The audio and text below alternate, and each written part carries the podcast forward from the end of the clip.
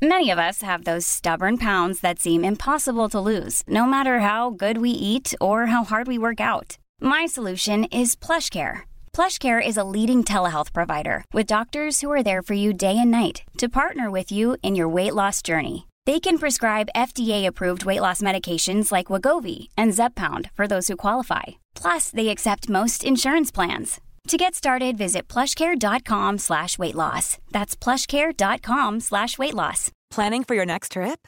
Elevate your travel style with Quince. Quince has all the jet setting essentials you'll want for your next getaway, like European linen, premium luggage options, buttery soft Italian leather bags, and so much more. And is all priced at 50 to 80% less than similar brands. Plus, Quince only works with factories that use safe and ethical manufacturing practices. Pack your bags with high-quality essentials you'll be wearing for vacations to come with Quince. Go to quince.com slash pack for free shipping and 365-day returns.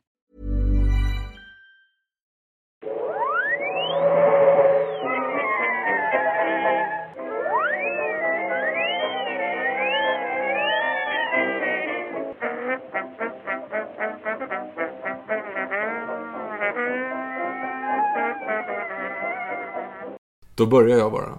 Hej och välkomna till Nörden och jag. Det är jag som är nörden, Fabian Rolander. Och det är jag som är jag, Viktor Engberg. Det här är podcasten presenterad av Movesin.se, Sveriges största filmmagasin på nätet, där vi vanligtvis pratar nördkultur, nördämnen i slags bildande syfte. Jag försöker bilda Viktor i saker han tycker om, men inte vet så mycket om.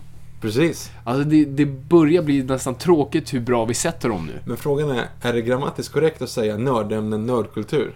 Det är ju såhär nördämnen, komma, nördkultur. Men det måste ju finnas ett och i en sån mening. Ja, det är sant. Vi kanske borde Ja, fixa den egentligen så är det fel. Det är bara det att den har fastnat, men egentligen Ja, så är det, den det fastnade rätt, i början och sen, sen har det satt sig där.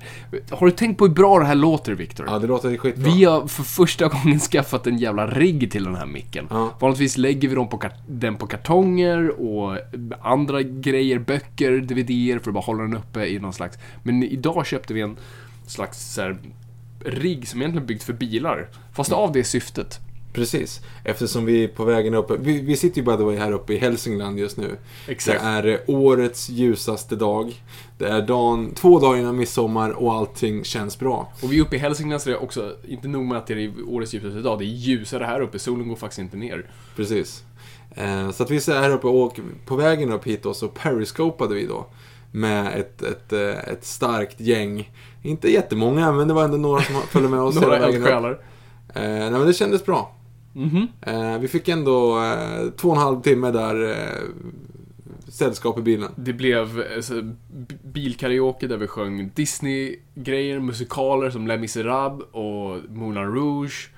Eh, lite GES klämde vi in Ja, där var också. bra. Det var bra. Eh, total. Ni kan nog hitta den fortfarande på, på Victors Periscope, för ni vill ligga, när vi spelar in det här, det är fortfarande dagen innan det här läggs upp. Precis. Och det är, så det är bara en dag tillbaka från när ni hör det här. Förhoppningsvis, om ni lyssnar när vi släpper det här såklart. För ni kan inte ha någonting annat att göra på midsommar. Men vi ska lägga upp en sån här best of tror jag på YouTube om vi kan. Ja, men det vi, fixar vi. vi, ska, vi ska försöka göra det. Det fixar vi. Men, ja men vi sitter ju här uppe i, i, i Hälsingland, precis som vi gjorde för ett år sedan. Det är så jag känner att podden börjar bli, liksom komma till sin ålder, sin mognad. Vi, för jag sitter nu exakt samma sits som när vi spelade in eh, Fantastic Four-avsnittet. Och Jurassic World-recensionen. Och Jurassic World-recensionen. Och Jurassic Park 3 DVD-kommentaren. Just det, det var sant också. Eh, och jag vill for the record säga att jag tror Fantastic Four-avsnittet är en av mina personliga favoriter. För jag tycker Ja, det den på bra. något vis här, den, den sätter rätt bra. Om, om ni ska ge den här, om ni ska tipsa om den här podden för någon, så tycker jag att det avsnittet bäst att... Eller snarare så här. Eh, skriv till oss och berätta vilket avsnitt ni tipsar era vänner om. Eller hur? Vilken, vilken, vilken är det mest tipsvänliga avsnittet? Hashtag Noipod, berätta för oss. För det jag har hört annars, det är ju Disney-avsnittet. Att folk liksom... Disney-avsnittet är bra. Men det är ju ganska far off egentligen. Det är ju inte Om speciellt... någon inte diggar singalongs och allt sånt där. För att nu kommer jag på bara, när jag säger singalongs, Mm. inte för att dj- djupdyka allt för hårt i nostalgi, men fanns det inte specifika singalong VHSer? Jo, oh ja. Som helt just hade värdelöst. alltså karaoke-grejen, det var ett Musse Pigg-huvud som hoppade då på Precis. orden. Så det var bara låtarna. Det är ju, jag skulle ju gissa, om inte jag hade känt det, att du, var de VHS-erna du växte upp på, men det tror men, jag inte. Nej men så är det inte. Alltså absolut inte. Det var snarare så att jag var liksom lite rädd någon gång att få dem av misstag liksom. Ja. Precis, mamma och pappa skulle köpa fel. Ja, ja, precis. Men ja, alltså, jag sörjer lite att jag inte hade en sån. Jag hade kunnat lära mig sångerna ganska, ganska Jag, väl. jag kan lära dig dem. Det är lugnt. Ja, Jag, jag vet att du kan, det, vilket du visar i, i bilen där. Precis. Men jag kunde joina dig ändå på uh, Skönheten och odjuret där. Oh ja, ja, du var duktig. Du var duktig. Vi är dessutom tre idag. Ja, vi är tre. Vi har, vi har en gäst här. I mån av en annan art. Precis, Astrid här som eh, vår lilla, eller vår lilla vovve. Men eh, ska jag säga min lilla är vovve i alla inte fall. inredare, så det är inte vår vovve. utan- Nej, nej, precis. Eh, som också varit med i ett avsnitt tidigare där hon började skälla, men nu sitter hon här och, är Och snäll. åt upp min matta. Just det. Eh, men nu sitter hon här och är snäll. Så att Säg är något. Astrid, säg något till publiken. Nej, är tyst. Så duktig som hon då. Åh, så duktig. I alla fall, men inte därför vi är här. Det är inte därför vi är här. Hur, hur, hur är det Viktor? Är det bra med dig? Eh, nej, det är det ju inte egentligen.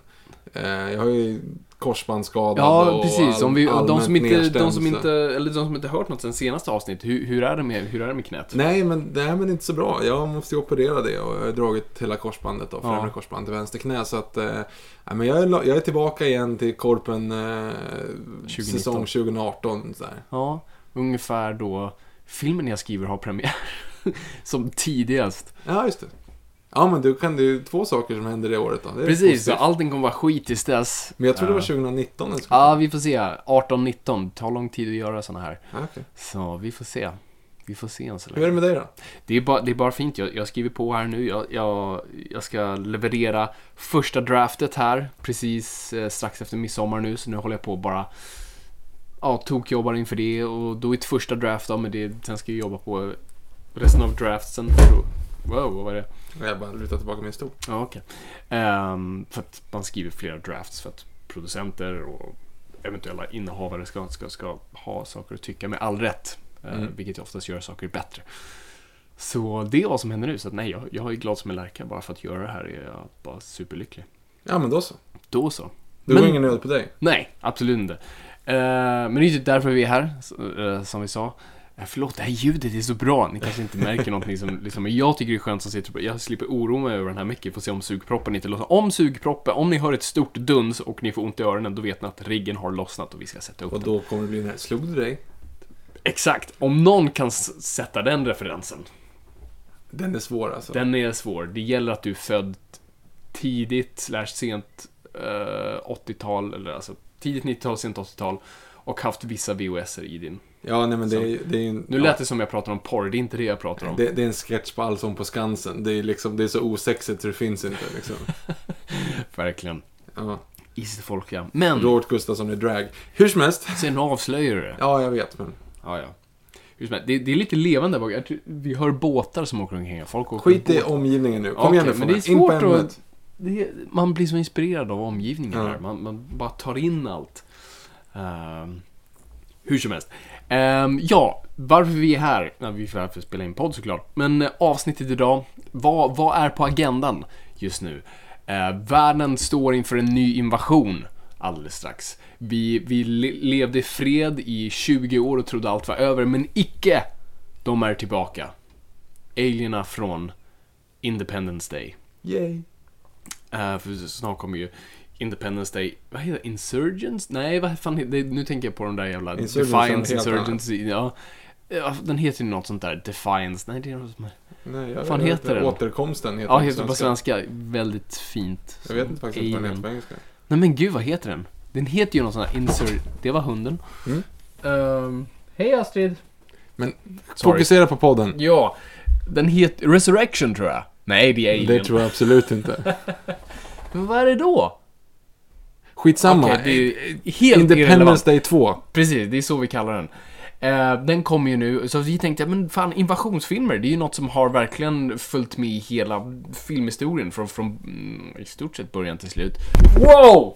Där kom dunset. Där kom det. Slog du? Wow! Fuck. Okej, vi provar en gång till. Du har inte riktigt förstått hur man ska sätta ihop den här va? Eh, gör det du. Ja, då gör vi det. Ska vi se.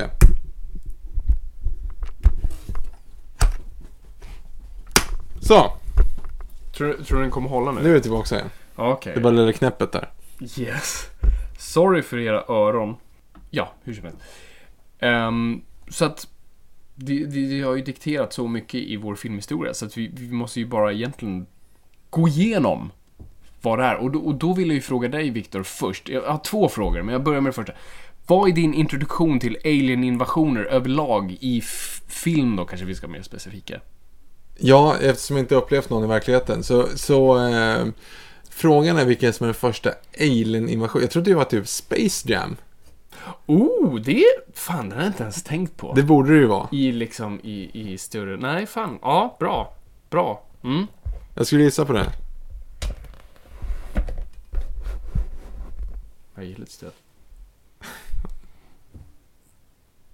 Det är ett riktigt bra val.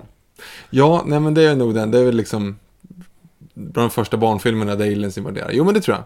Mm, mm, bra. Vad, vad var din, vad var din så här kroppsliga, mentala reaktion till det? Var det en kul den, grej? Den, Var men det var ju, den var ju mest alltså, ansedd som rolig, så jag tror inte att det är liksom så farligt så. Pratade inte vi om Space Jam i förra avsnittet? Jo, jättemycket dessutom. Citrondoft. Ja, Det- så att jag, jag tror inte vi behöver gå in på den faktiskt. Det jag kommer ihåg, jag hade en helt annan upplevelse, det var att eh, Invasion of the Body Snatchers från 1951, tror jag, gick på TV. Och eh, jag kommer att vi var på landet eh, med mamma och pappa, och alltså jag måste ha varit fem sex bast. Och det är en av de tidiga faktiskt så här, traumatiska upplevelserna jag hade. För jag såg det och jag såg någon konstig växt och det var nog Det bara såg äckligt weird ut och jag frågade pappa liksom, vad, vad är det där? Och han var ganska ärlig och förklarade, jo men det är, en, det är en film, det handlar om aliens kommer ner och eh, de tar över våra kroppar om du somnar. Och för ett barn är det absolut värsta du kan höra, för att det är någonting du är rädd för är att so sova, att någonting tar över dig om natten. Så att, eh, aj, hjärnan. Det, det, det gjorde ont. Ja, men du, du var ju förvisso relativt feg också när du var liten. Ja, precis. Lägg på det i den ekvationen. Ja. Så var jag livrädd Var inte du som var livrädd för en, en liten bild på en varulv? Uh, faktiskt, det är relaterat till det här. Det var inte en bild Okej. på en varulv. Jag såg en, alltså, och det var också på landet, det kan ha varit samma, eh, samma år, så såg, jag kom in, eh, när mina föräldrar kollade på film, efter jag hade gått och lagt mig. Och precis då så fräser en varulv på TVn. Och jag blev helt spaställd. Och det var jättetraumatiskt. Det visade sig sen var det när jag såg det i efterhand att det var en, en parodi på varulv som hette Vem är rädd? Who's afraid of the big bad wolf tror jag. Eller Vem är Okej. rädd för vargen? Som var en sån här spoof, nästan Mel Brooks-esk. Det var inte Mel Brooks men, men ehm, det var utav Aha. teamet. Eh, Det var en spoof helt enkelt, så jag, jag insåg att jag varit rädd för en komedi. Men vad, vad Invasion of the Body Snatchers och den här varulvfilmen gjorde för mig är någonting som följer med mig än idag. Och det är rädslan att tas över av något du inte har kontroll över. Jag tror det har med min hypokondri att göra.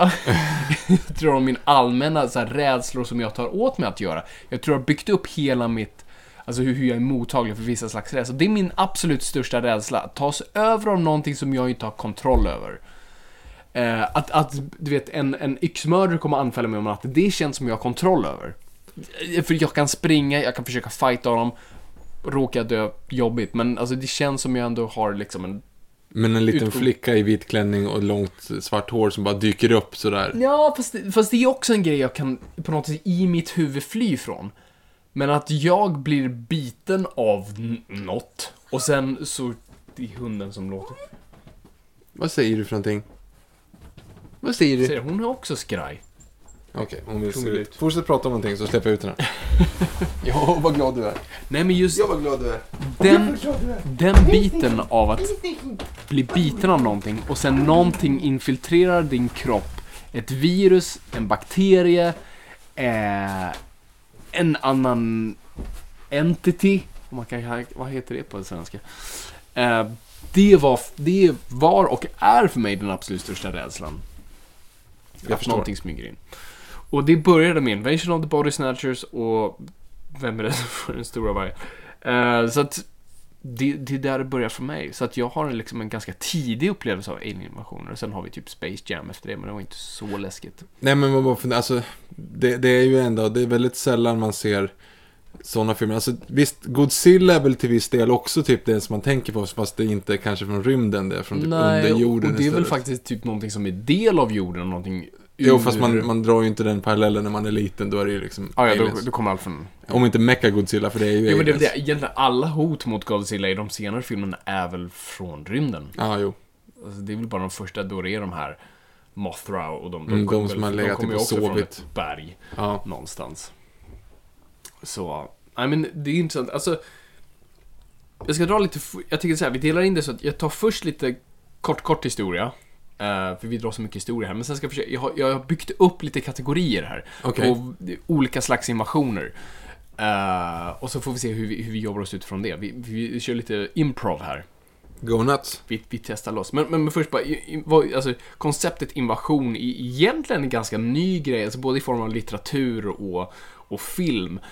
Eh, bland de tidigaste grejerna man kan kolla på är H.G. Wells War of the Worlds. Som någon Mm. Spielberger. Den som vi såg alldeles nyss. Vi såg den alldeles nyss, den från 1953. eh, I Technicolor. Och... Maxat. Vad sa du? Det var maxat. Det var maxat. Eh, 4.3-format också. Jättefint. Hur som helst. eh, Den skrivs alltså, 1889 tror jag, eller något sånt där. Så, så liksom på 1800-talet så är det väldigt så här, revolutionerande. Och det är väl en av de tidigare böckerna. Det har funnits några tidigare, alltså jag vet, så här, Gullivers resor leker med ett sånt koncept, med en högre slags art som finns ovanför oss, kommer ner, men det, det beskrivs inte konkret som aliens. H.G. Wells är nog den en av de tidigaste versionerna av faktiskt en ras från en annan planet kommer hit för att invadera. Och de kommer specifikt från Mars. eh, och de har tittat på oss med avundsjuka ögon som, som de, de då beskriver det. Eh, så den boken skrivs och, och blir väldigt uppskattad och, och H.G. Wells eh, karriär drar iväg ordentligt. Han skriver ju sen eh, Time Machine och allt sånt där. Eh, och det är även den som kickar igång egentligen på riktigt, alltså filmeran. För att på film, alltså i- hela stumfilmsperioden och, och musikalperioden och allt sånt där, har vi inte riktigt sett Alien, aliens överlag. Alltså det kanske funnits lite B-grejer och så, men, men egentligen inte i så stor... Och det fanns absolut några innan War of the Worlds, men, men War of the Worlds på något sätt sätter det på kartan på ett helt annat sätt. Och, och vad som framförallt är katalysatorn för allt det här är ju kalla kriget. Och, och på något sätt bara allt efter andra världskriget, alltså en värld som är bara splittrad. Man är rädd för ett krig på nytt i kalla kriget, men man är också rädd för eh, vad, man kan kalla eh, mental infiltration. Och det kan vi komma in mer på sen. Eh, och, det, och det är där på något sätt växt. Och sen har, har alltså invasionfilmen har för det mesta ofta speglat, precis som vi har pratat mycket om den här podden, men det speglar ofta sidan den, den, den sätts i. Eh, och oavsett om filmen vill eller inte så speglar den de, de lokala rädslorna som, som vi hade just då. Och därför de har spelat väldigt bra. För att de kan, alltså som, som bästa sci-fi och bästa alltså fiktiva ämnena gör, är att du tar någon, en, en rädsla och sen drar upp det till hundra för att på något sätt vi ska kunna deala med det på ett snyggt sätt. Ehm, och det, alltså det går ju till serier och, och, och alltså, skräckgenren och, och allt sånt där. Eh, men, det, det är det. Mm. Ni kan själv tänka er hur det har varit, men vi kommer in på det mer. Men, men jag vill dra bara lite kategorier. Jag ska börja med en kategori och så ska vi se hur vi liksom... Vad du tänker på, Viktor. Ja, jag är redo här. Mm. Så att det första jag vill prata om är min största rädsla. Mhm. Kroppslig invasion. Mhm.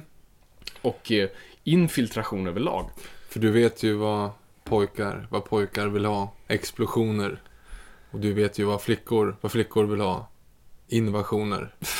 Stora starka pojkar blir till barn.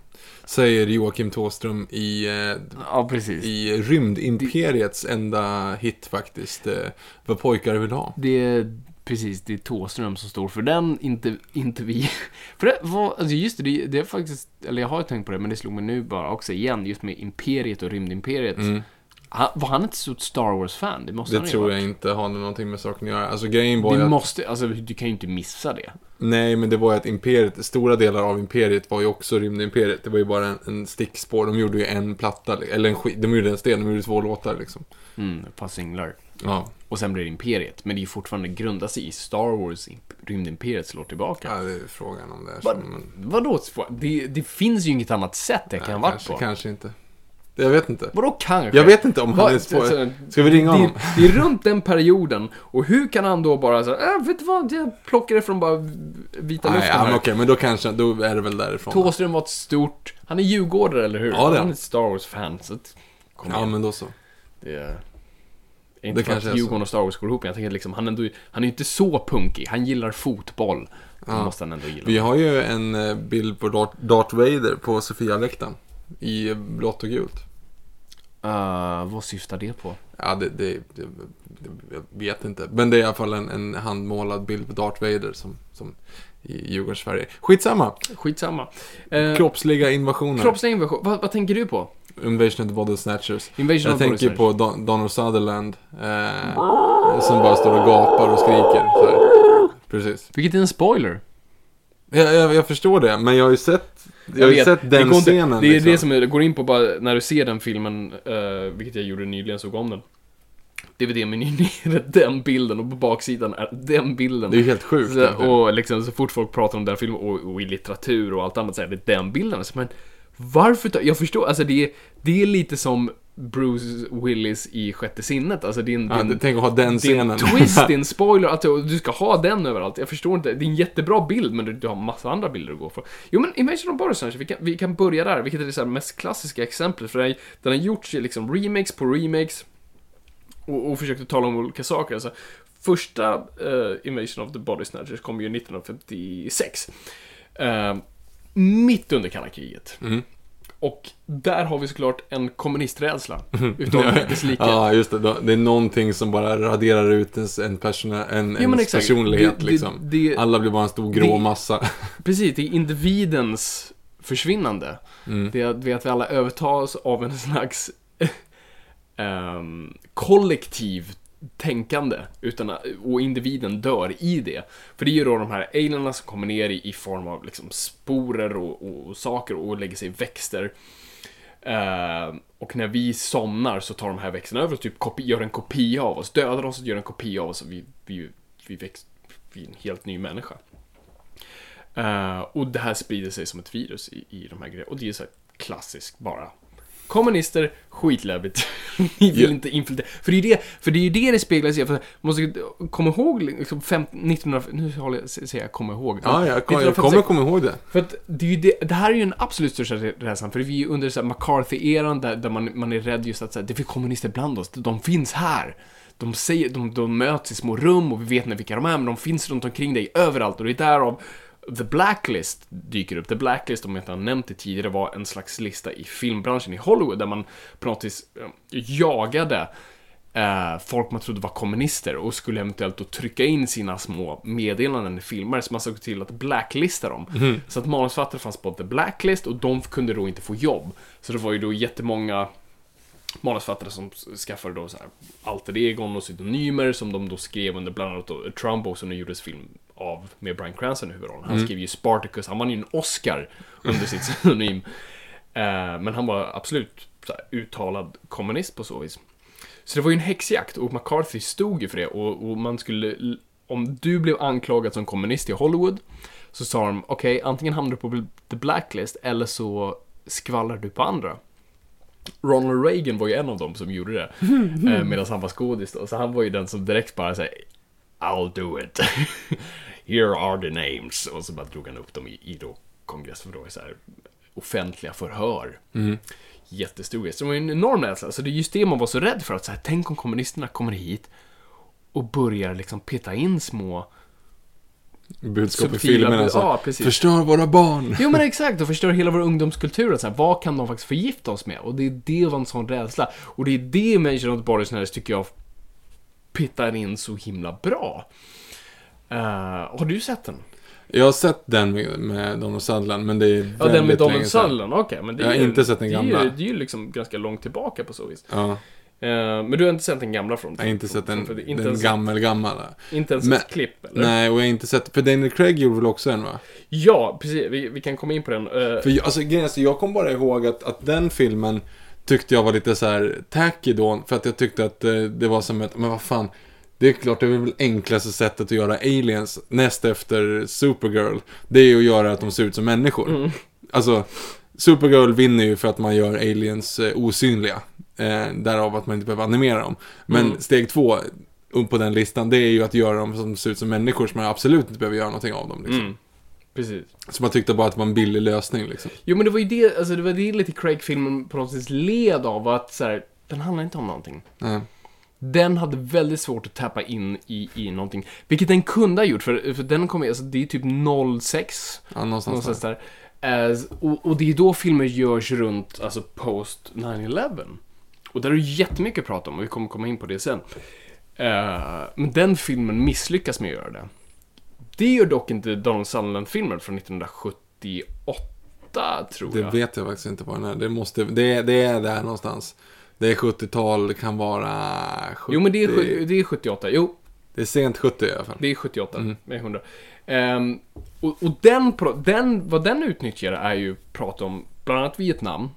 Att vi känner oss helt isolerade efter det. Alltså, hela världen hatar oss och vi är på något vis i en kokon själva.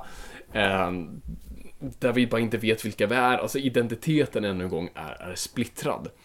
Och, och också miljö pratas det jättemycket om där. Alltså vad vi proppar i våra kropp, kroppar och vi vet inte vad det är. Så någon väldigt så här, miljömedvetet budskap i framförallt den, alltså, den inre miljön i oss själva. För här har vi också globaliseringen tar plats i det och vi börjar liksom titta på vad, vad är det här i McDonalds egentligen? Liksom, kan vi prata om det?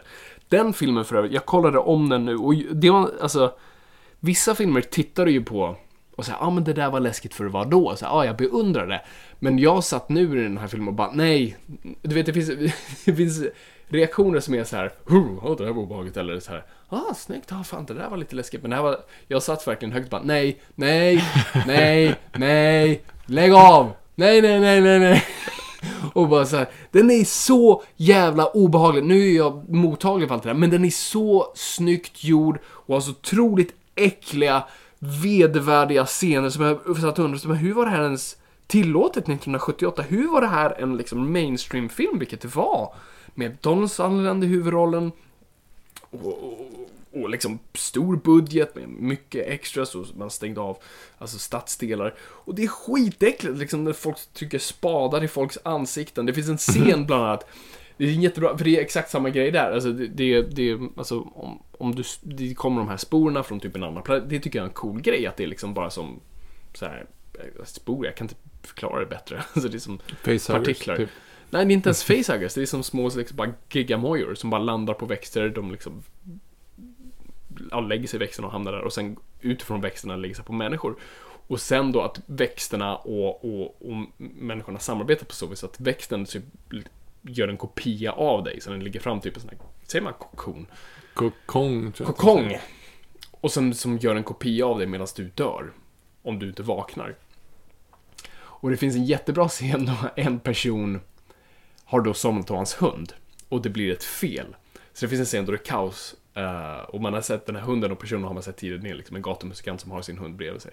Och så ser vi sedan den här hunden komma springandes med sin ägares ansikte. Mhm. Och det ser skitbra ut, man ser ju bara att de har satt på en jävla latexmask på den här stackars hunden. Men det är bara det som en otroligt, otroligt absurd scen som bara blir så här, ah, det blir bara fel, det är såhär, doesn't compute. Och det är det skräckfilm ska göra, så här, jag kan inte ens så här, drömma fram den bilden och det ser för bra ut. Eh, det är bara... Eh, Det är så mycket äckliga grejer i den filmen och jag klarar inte av det. Det är en ung Jeff Goldblum där. Mm, just det. eh, som i... Som sen kommer att också få ett, ett mindre huvud på sig. Men sen, Ett vänta, mindre huvud på det. ja, eller ett, ett stort äckligt huvud. Flugan, jag tänkte bara Jaha, kill tänkte me, så. alltså, eller help me är det ju. Fast det är väl inte den som är, det är väl Nej, det är den gamla. den gamla Men ändå, det är ju den. Han blir väl inte ens en liten fluga? Det finns väl ingen liten fluga i flugan med Jeff Goldblum Det är en väldigt bra fråga. Jag tror inte att det gör det. Nej. Jag tror han blir en fluga. Ja, han blir ju fluga, men det är just Men, men den här lilla andra flugan, Ja, den tror jag bara upphör att existera. Exakt, nej absolut, jag tror, jag tror det är något sånt. Eh, ja, hur som helst. Eh, Den är bara så ofantligt jävla äcklig och jag, kunde inte riktigt släppa det efteråt. Jag rekommenderar faktiskt att gå alltså bara köpa den filmen. Jag tror de har re-releasat den nu på DVD, den är ganska lätt att få. Äcklig, obehaglig, musiken är jättebra. För, för, det, för det som är så bra med, med musiken i den filmen också är att den jobbar med takt. Mhm. För när vi träffar människor i början i så första akten så, så, så leds soundtracket av typ klockor.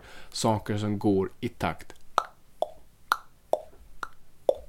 Men när aliens börjar infiltrera och vi inte riktigt vet det för allt är så, vad ska man säga, subtilt i, i, i mån av att det är utifrån våra karaktärers synvinkel. Vi ser aldrig presidenten, vi ser aldrig liksom militärens version, utan det är alltid så subjektivt.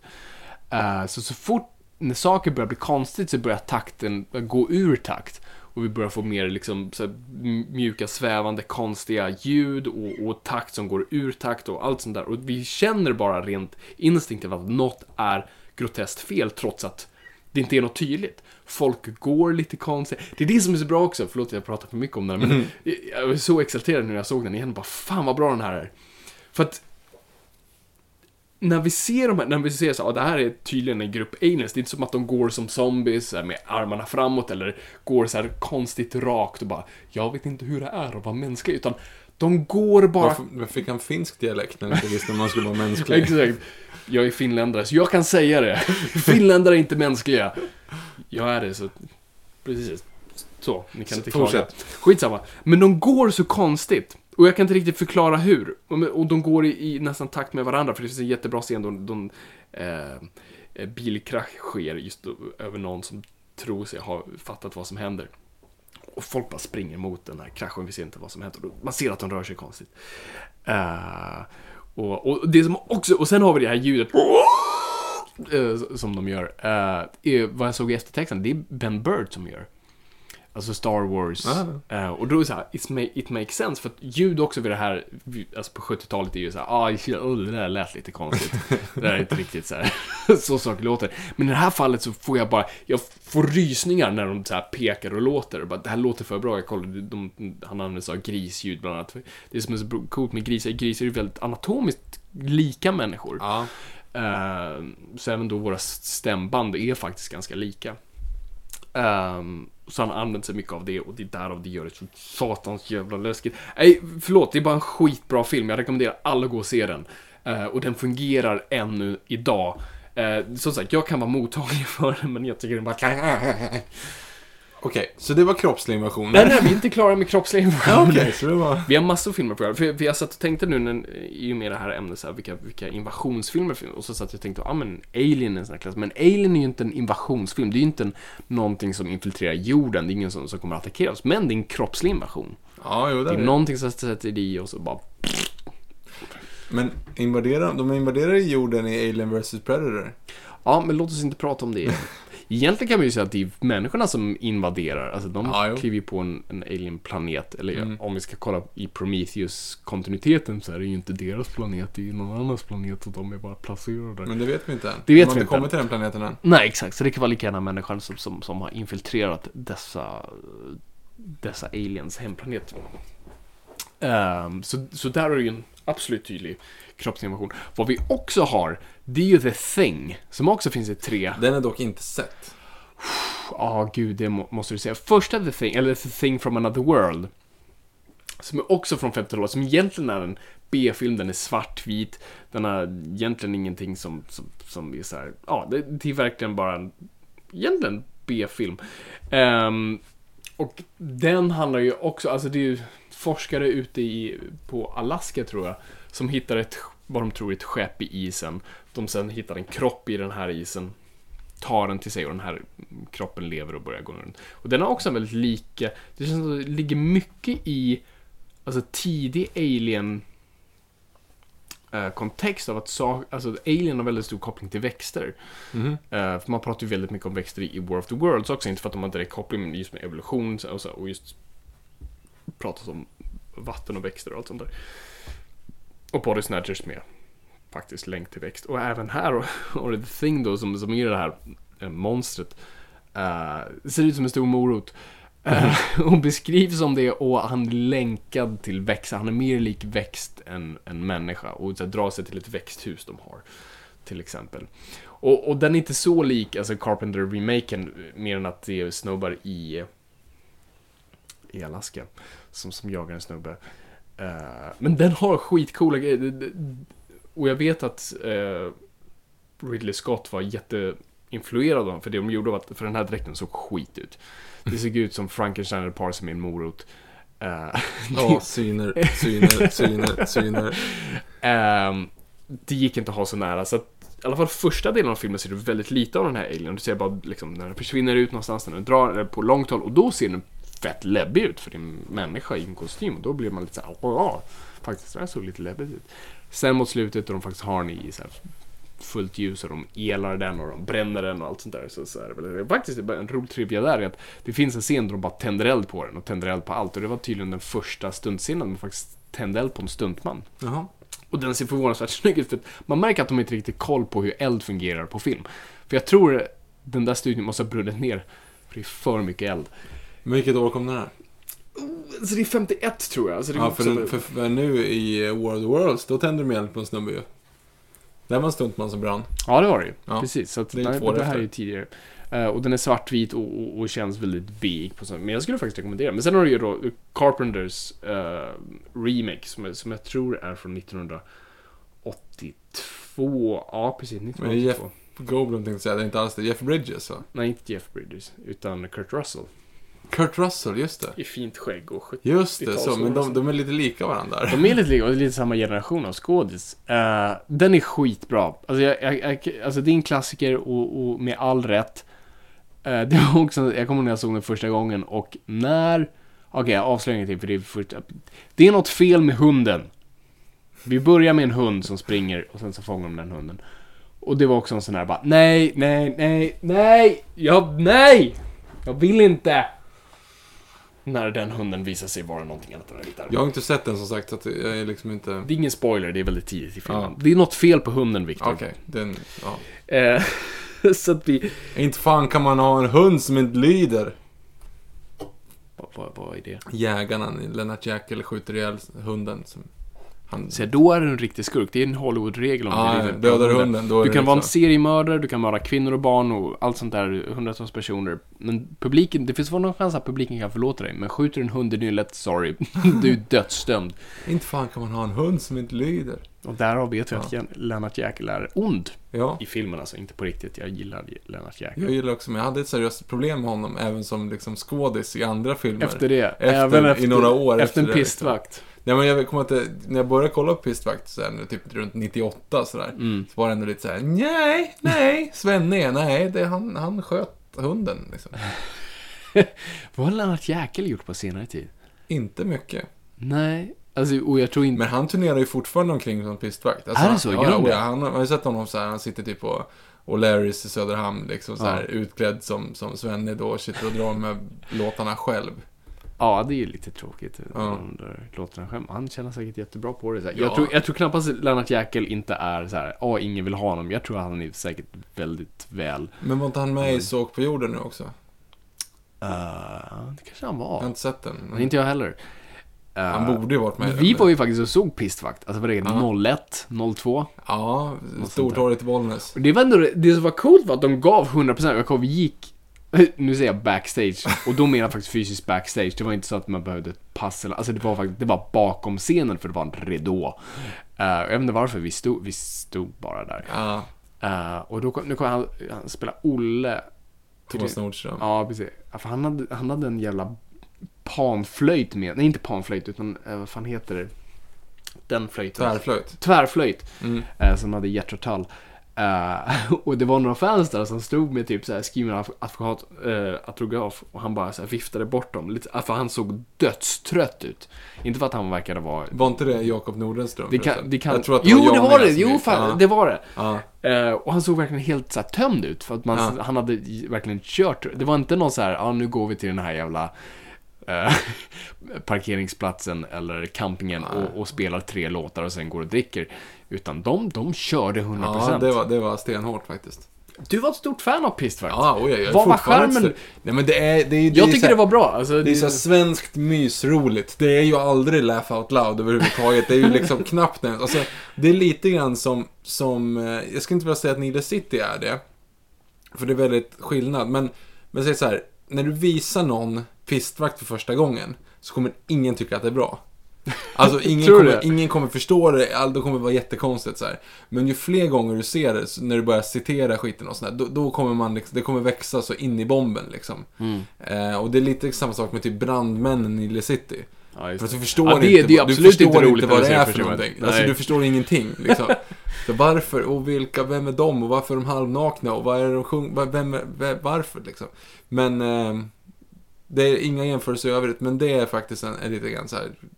Ser man sönder pistvakt så kan det bli hur bra som helst. Mm. Nej, men jag tyckte och det fanns en mytologi till, eller någon slags, alltså du vet den här farsan som var borta med lev, han bodde i någon grotta med den där jävla Björnen.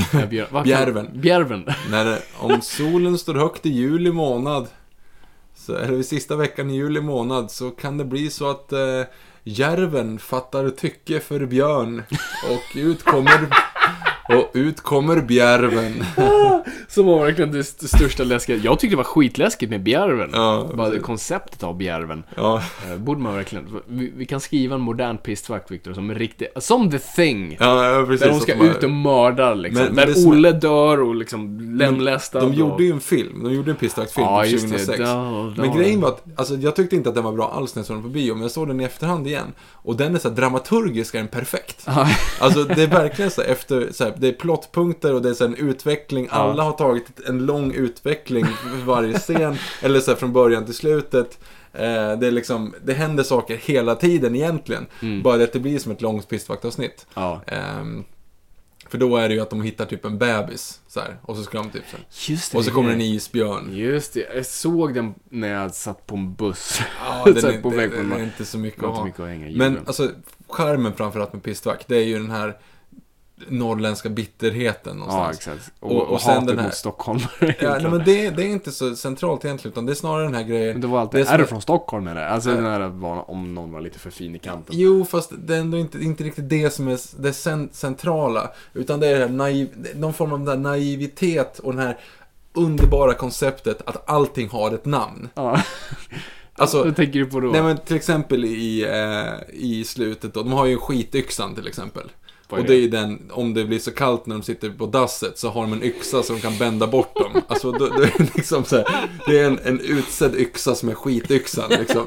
Eh, de har, eh, det, det är sådana myskorutiner, till exempel, de står på, med, en, eh, med ett lik, det liksom. De hittar ju sin farsa död då i början på, på filmen. Ja, han, är det. Mm. han har ju avlidit och han har ju, han blivit våldtagen till döds som en björn som har ätit för mycket sura, jag. men som äter för mycket sura bär.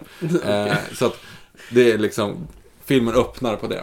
Mm. Och då står de ute på träsket där med en träkista. Och då säger så här, då begraver de dem inte, utan då ställer de, han står lik på, på träsket. Då ställer de ut kistan tills det blir töar då, så sjunker den i träsket liksom. Ja. Så att den står där ute. Och då när de kommer ut så säger de också liksom så här, ja men den här grejen. Och sen så ger han en, eh, en skruvmejsel till Jane och så säger han Efterdrar du kistskruvarna Jane?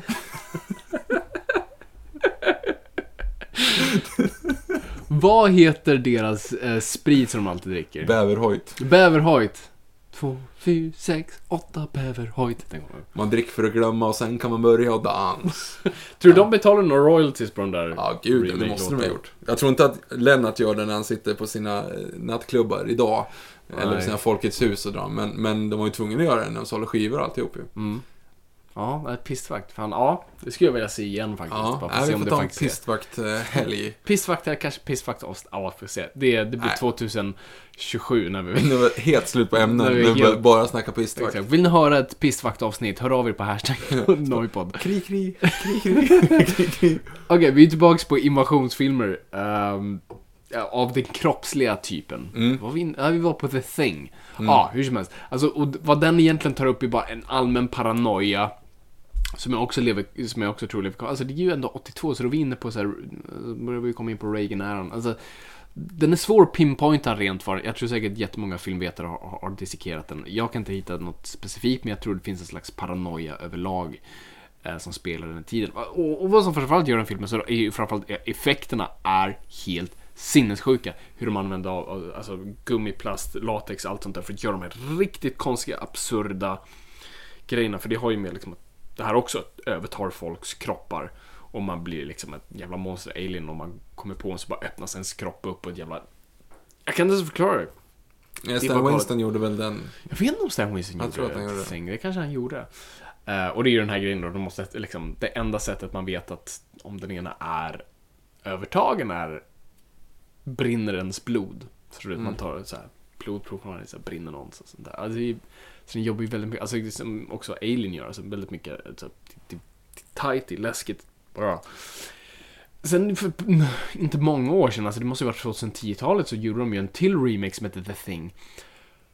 Som var en, det var en sån här slarvig jävla remake slash prequel. Okej. För det var exakt samma koncept. De hittar en alien.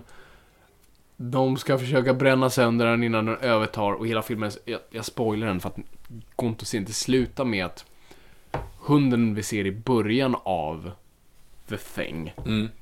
flyr då från, den här, från det här stället då som den här filmen utspelar sig på. Aha. Och det slutar då med helikoptern som ser den hunden, precis som Thing började med.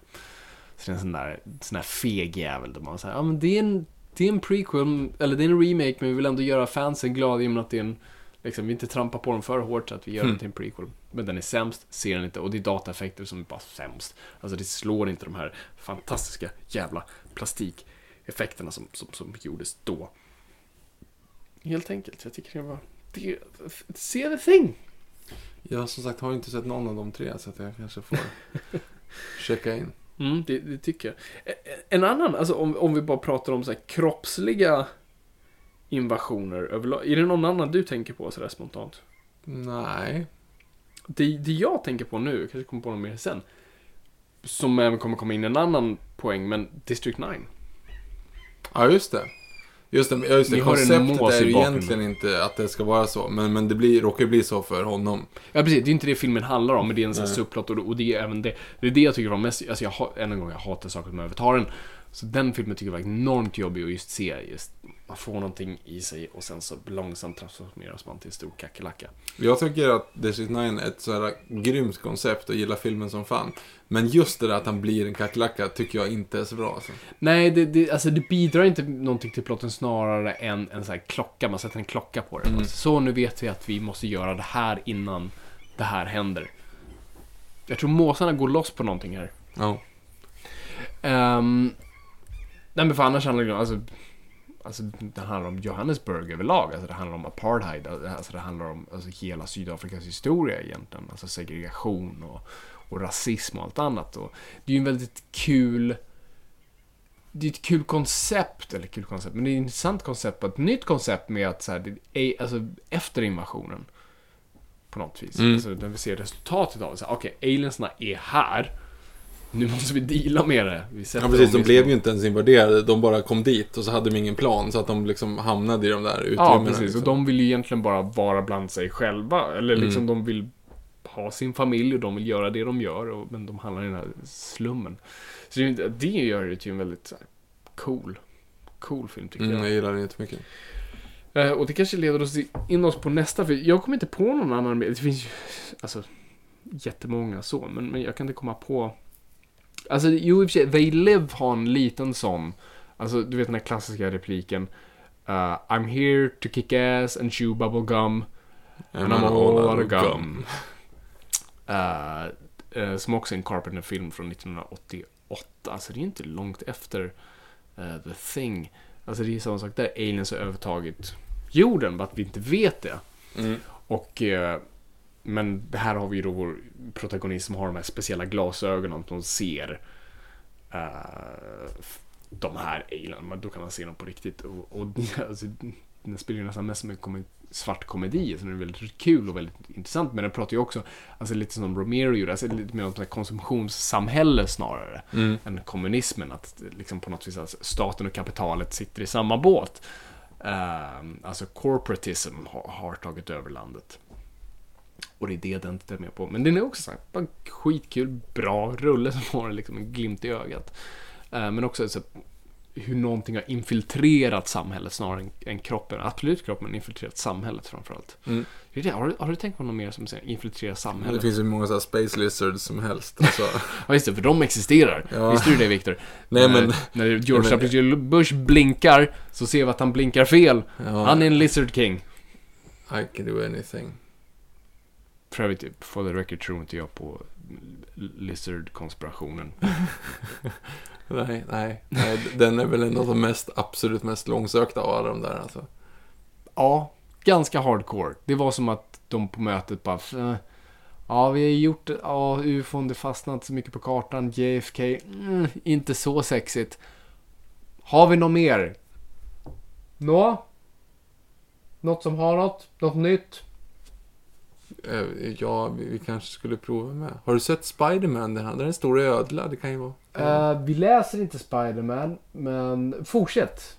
Nej, men det är ju en stor ödla som ser ut som en människa. Det, det är ju lite fräckt. Ödla säger du? Hmm. Ja. Men jag tror inte att någon skulle gå på den. Den är för långsökt alltså. Du var inne på någonting där. Ja, fast det är väl ingen som skulle tro att det... Vi, de har hud, vi har hud. De har ögon, vi har ögon. Vänta. Så folk kan blinka konstigt ibland. Vi, vi vet inte. Shit. Men tycker inte du att, när du kollade på George Bush här senast, blinkade inte han lite konstigt? Han blinkade konstigt och jag tycker han är lite korkad. Han skulle kunna vara en ödla. Och den där liksom, hyn han har, den kan inte... Gabble, gabble, gabble. Ja, vi, bra, vi sätter den. Skull and Bones Club är full av ödlor. Så nu vet ni hur det gick till. Ja, nej.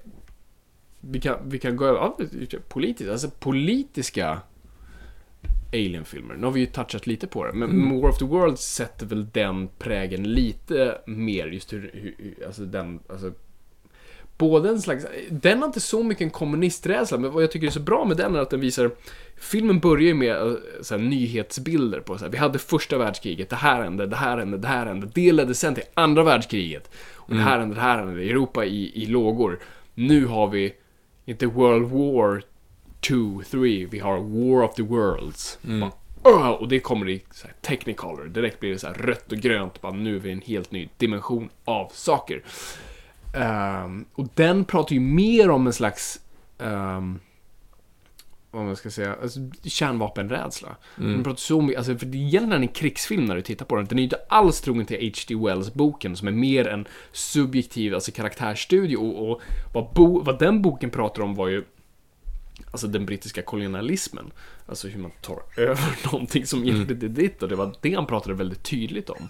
Och det gör ju inte den här filmen här, pratar inte alls om det utan pratar om liksom, rädslan för att bli invaderad igen, eller att liksom dras in i ett krig vi inte vill.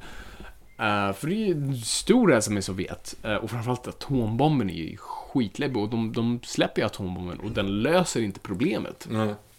Den bara skadar mer än vad den löser. Exakt. Eh, och man har, det jag gillar också, de har ingen förstående alls för, för radioaktivitet vid den här tidpunkten Nej, i det- livet. de- Det, liksom, de gömmer sig bakom några sandsäckar och har solglasögon på sig och så är det lugnt. Japp. Um, nej, men så den, den, den pratar ju om det. Vad tyckte du om War of the Worlds nu när vi såg Att, det den? var väl sådär, måste jag säga. Alltså, nu snackar vi om den från 1953. Nu pratar vi om 19. Eh, och, nej, nej. Alltså, den handlar ju inte om någonting. Den är bara, är den, är helt, den, är psyka, den är psykedeliskt klippt liksom. Och effektbonanza, det är ju typ det den är. Mm.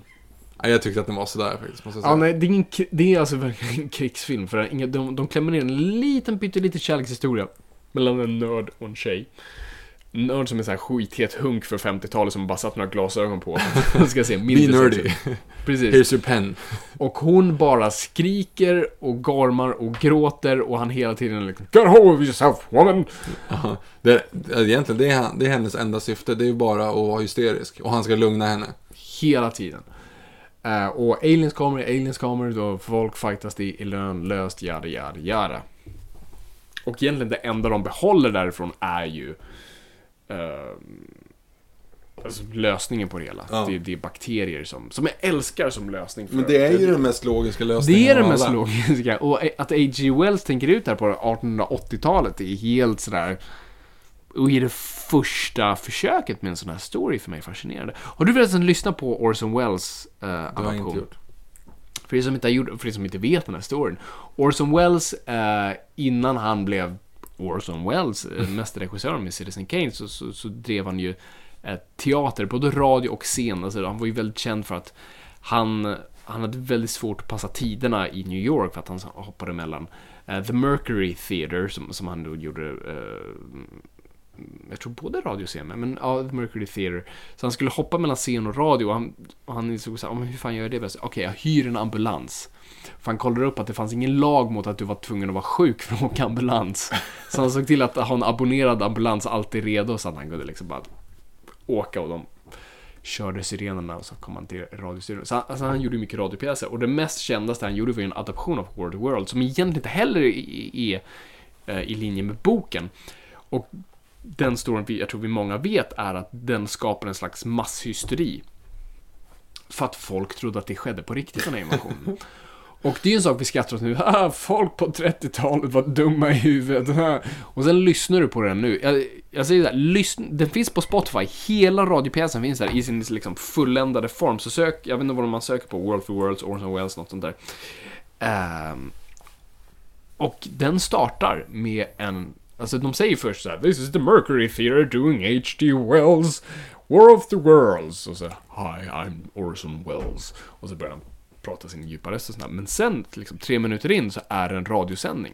Ja, det är klart. Det är någon Med stackare här- som råkar slå på mitt i. Liksom. Jo men och de kör med musik i också. Mhm. Liksom, sorry for breaking up this musical instrument but we have a mm, breaking news och sen Back to your original program. Och så är det typ musik i tre minuter och, de, och man hör det och sen kommer de tillbaka liksom. Och folk skriker och dör och det är en reporter hela tiden som pratar om vad som händer. Och jag förstår att folk liksom, det var ju det så folk började sätta upp, du vet, så dukar över sina fönster. Ja, mörkläggning. Ja, mörkläggning. så de inte skulle hitta dem. Och det var totalt... H.G. Wells tog tydligen eh, väldigt illa upp över att han- hans eh, material hade orsakat det här.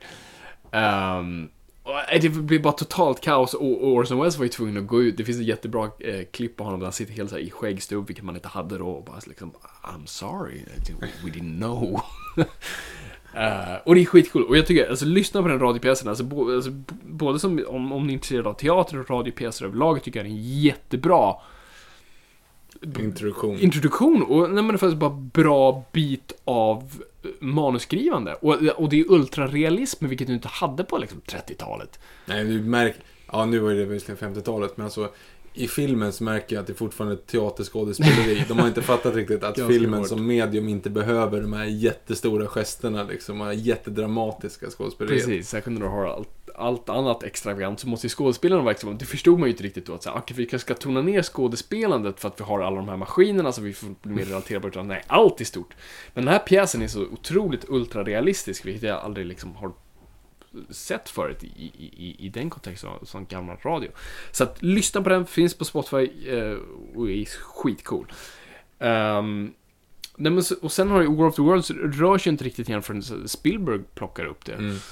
Eh, 2006, tror jag. 2005, 2006. Ja, den kom 05, ju samtidigt som Batman Begins. Precis.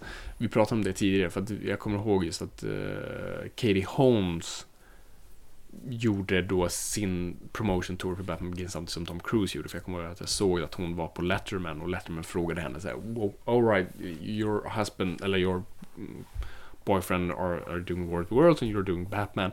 Which would you prefer to promote? Hon säger, oh I gotta stand by my man. Så jävla konstigt. Vad håller du på med? Och Warner Brothers måste ha älskat att hon sa det. Uh, ja, ja, hon fick äta upp de orden senare ändå. Ja, jo. Skojar inte. Uh, men sen, jag kommer ihåg när jag såg War of the Worlds och jag tyckte väldigt mycket om den då. Och, och jag vet att han fått ändå lite så här, mm, så här ljummen kritik av, av i alla fall fans och sånt där. Och Spielberg och sci-fi överlag. Kritiker tror jag diggar den hyfsat mycket då. Jag, alltså, jag kommer ihåg att jag inte tyckte att den var speciellt bra då. Men när jag såg den i efterhand så tyckte jag att den var mycket bättre.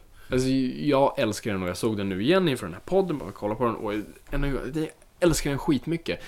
Först och främst, den fungerar i kontexten av den tiden den släpptes. Det är en post 9-11 film. Den pratar helt till de rädslorna vi lever i då. Och de speglar ju, alltså de visuella bilderna vi ser då, alltså det är mycket så här kamerabilder, folk som filmar och sådär, men framförallt när du vet när du blir skjuten då av de här strålarna så går du upp i aska.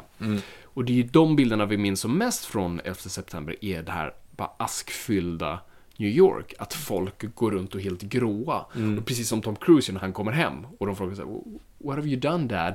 Och han ser sig själv i, i spegeln och blir helt förskräckt och bara försöker tvätta bort det med vatten. Mm. Så de bilderna ju påminner oss väldigt mycket om den tiden. Och också våra allmänna rädslor och bara inte lita på varandra längre.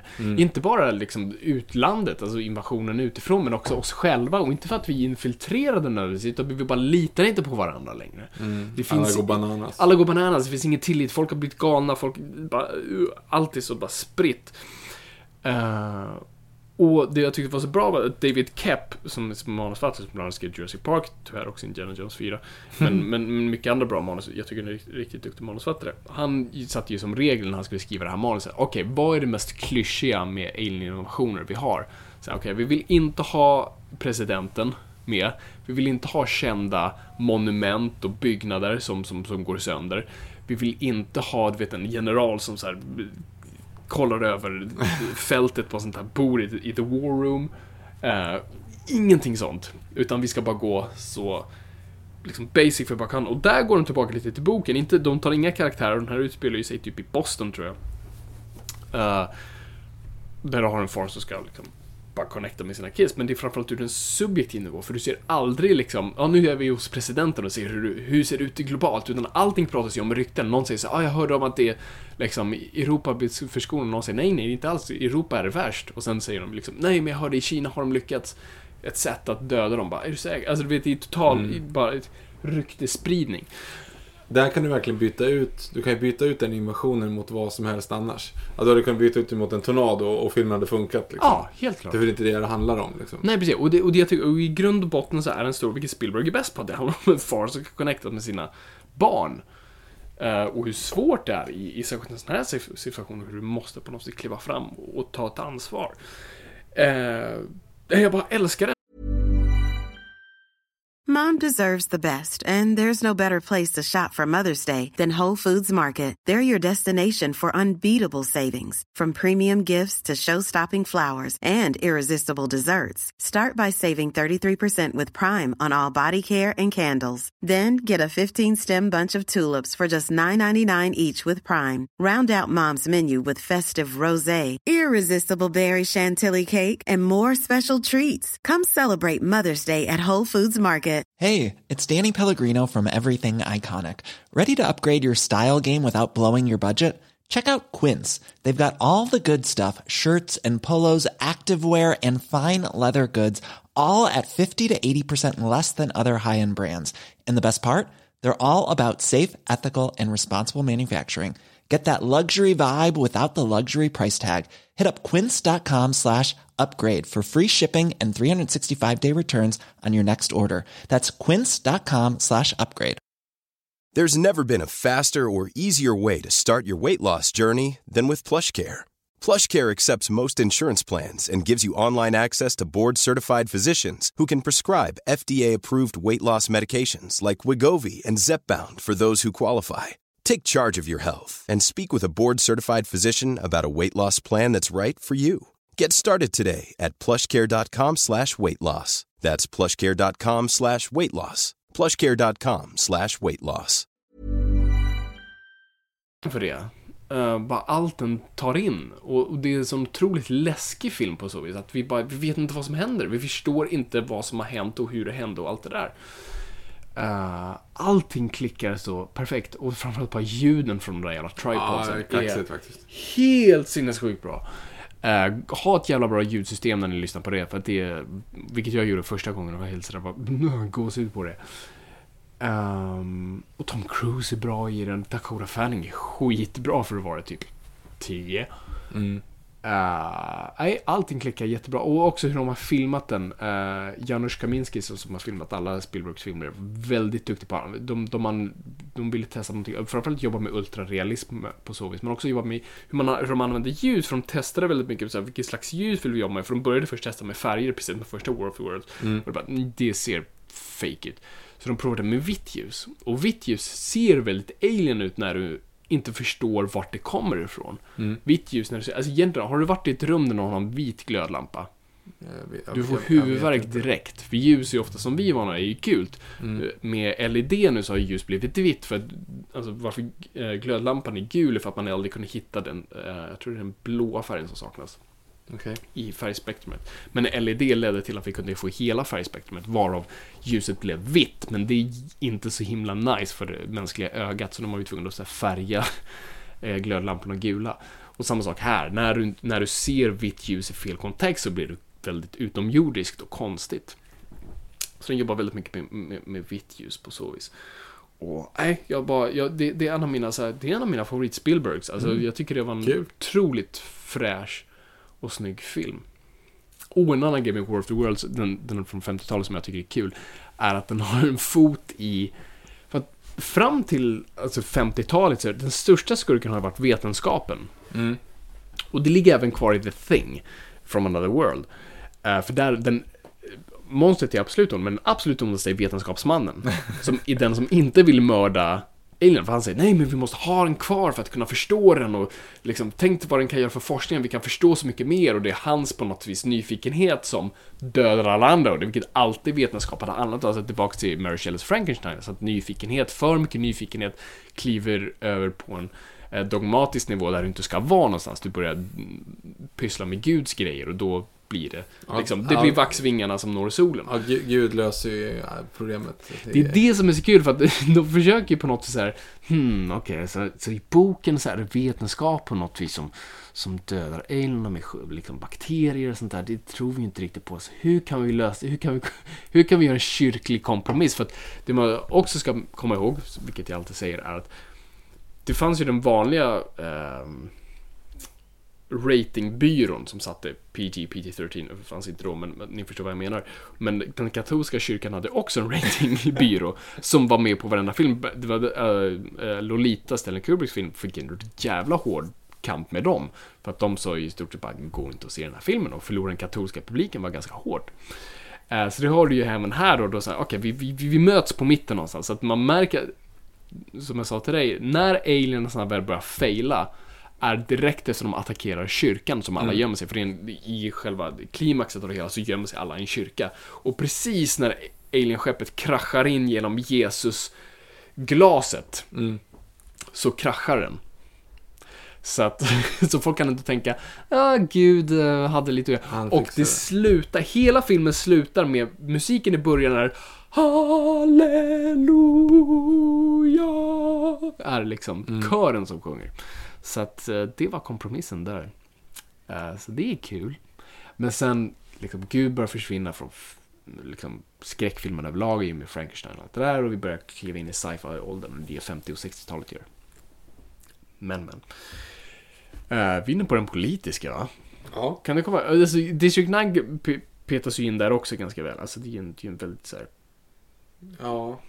Nej, inte annat så här, som ska... Jag tänkte på, så här, fast det är ju in your face politiskt, det är ju Elysium. Men det är ju inte riktigt en invasion på det sättet. Snarare tvärtom, en invasion från jorden till Elysium. Ja, precis. Ja, exakt. Ja, det är ju inte... Nej, det, det är inte riktigt samma. det är ju bara en vanlig sci-fi som absolut har liksom politiska Mm. meningar, vilket sci-fi ska ha. Men det är ju inte liksom invasionsbiten av det med, med en politisk liksom, eh, bakgrund. Det enda... Uh, jo, i och för sig, alltså om man kollar på en av de nyare så har vi Attack of the Block. Jag har inte sett. Eh, den brittiska filmen som, som är faktiskt väldigt kul. Uh, med han, nu har jag glömt bort vad han heter, han från Star Wars. Spelar huvudrollen, han som var Stormtrooper. Johnny Boyega. Precis. Och du spelar sig i verkligen i så här suburb, eh, förort till London. Kids som går runt och rånar folk om nätterna och helt plötsligt kommer en alien-invasion. Liksom små, gor alltså små gorillamonster typ som börjar bara döda folk. Mhm. Och de vet inte riktigt vad och de måste börja take back the hood på ett vis. Eh, och det är en jättebra liksom metafor för liksom utsatthet och att vara, alltså de är i förorten och blir attackerade men det kommer ingen och hjälper dem. De är liksom där helt själva. Det är ingen som har förstått att det är en alien-invasion där för att kaos sker där hela tiden. Och det hela slutar med, jag spoilar inte allt för mycket, men det är liksom det är deras fel. Alltså att polisen tror. När polisen väl kommer så är det de de haffar. Polisen är inte där för att hjälpa dem. Och det finns en replik som John Boyega pratar om. Liksom. First it was the drugs they came with. Liksom att orten hela tiden blir drabbad av saker som att in, liksom, tagit in att drogerna har på något sätt anfallit och liksom, Och, alltså, och nu är det aliens. Så att den tar in hela den biten av det. Sen är det bara en allmänt rolig film tycker jag. Alltså, det är en rolig, alltså, den påminner väldigt mycket om American Werewolf. Blandar Eh, ihop det med Neighborhood Watch. Den är inte bra. Ja, Det är, det är en annan film. Och den, ja just det, den slaktades ganska hårt för den var ju väldigt tight in på den här dödsskjutningen som blev Ja, väldigt just det, just det, just eh, kon- kontroversiell. Och The Neighborhood Watch, alltså bara det ordet var infekterat. Så jag tror den bara hette typ The Watch eller något sånt där. Ja, jag tror att de döpte om Döpte den. om den och, och den floppade och det gick sådär. Ja, den var dålig också. Det var dåligt. Men ja, det, det, det är väl, alltså det finns ju som sagt, det finns jättemånga politiska uh, sci-fis och även alltså jag tror uh, uh, They Live är också där. Men om vi kollar på fredliga invasioner. Aliens som bara vill vara vår vän. Mac. Mac and Me. Mm. Den McDonalds-sponsrade. som var en E.T. rip-off. Ja. Har du inte sett den? Eh, Han är ju jättesnäll. Han och är så- jättesnäll och, han och- älskar, och allt han behövde var lite Big, Big Macs och Ja, och så är det ju lugnt. den där dansscenen på inne på Donken när alla blir sams på slutet. Precis, och Ronald McDonald har något med det att göra. Ja, Ronald McDonald dansar på bordet och sjunger typ Jag vet inte om du vet, bland det bästa jag vet i världen är Paul Rudd. Varje gång han är hos Conan Mm. och ska presentera ett klipp så visar han alltid ett klipp från Mac and Me istället. Den här scenen med rullstolen. Rullstolen. Ja.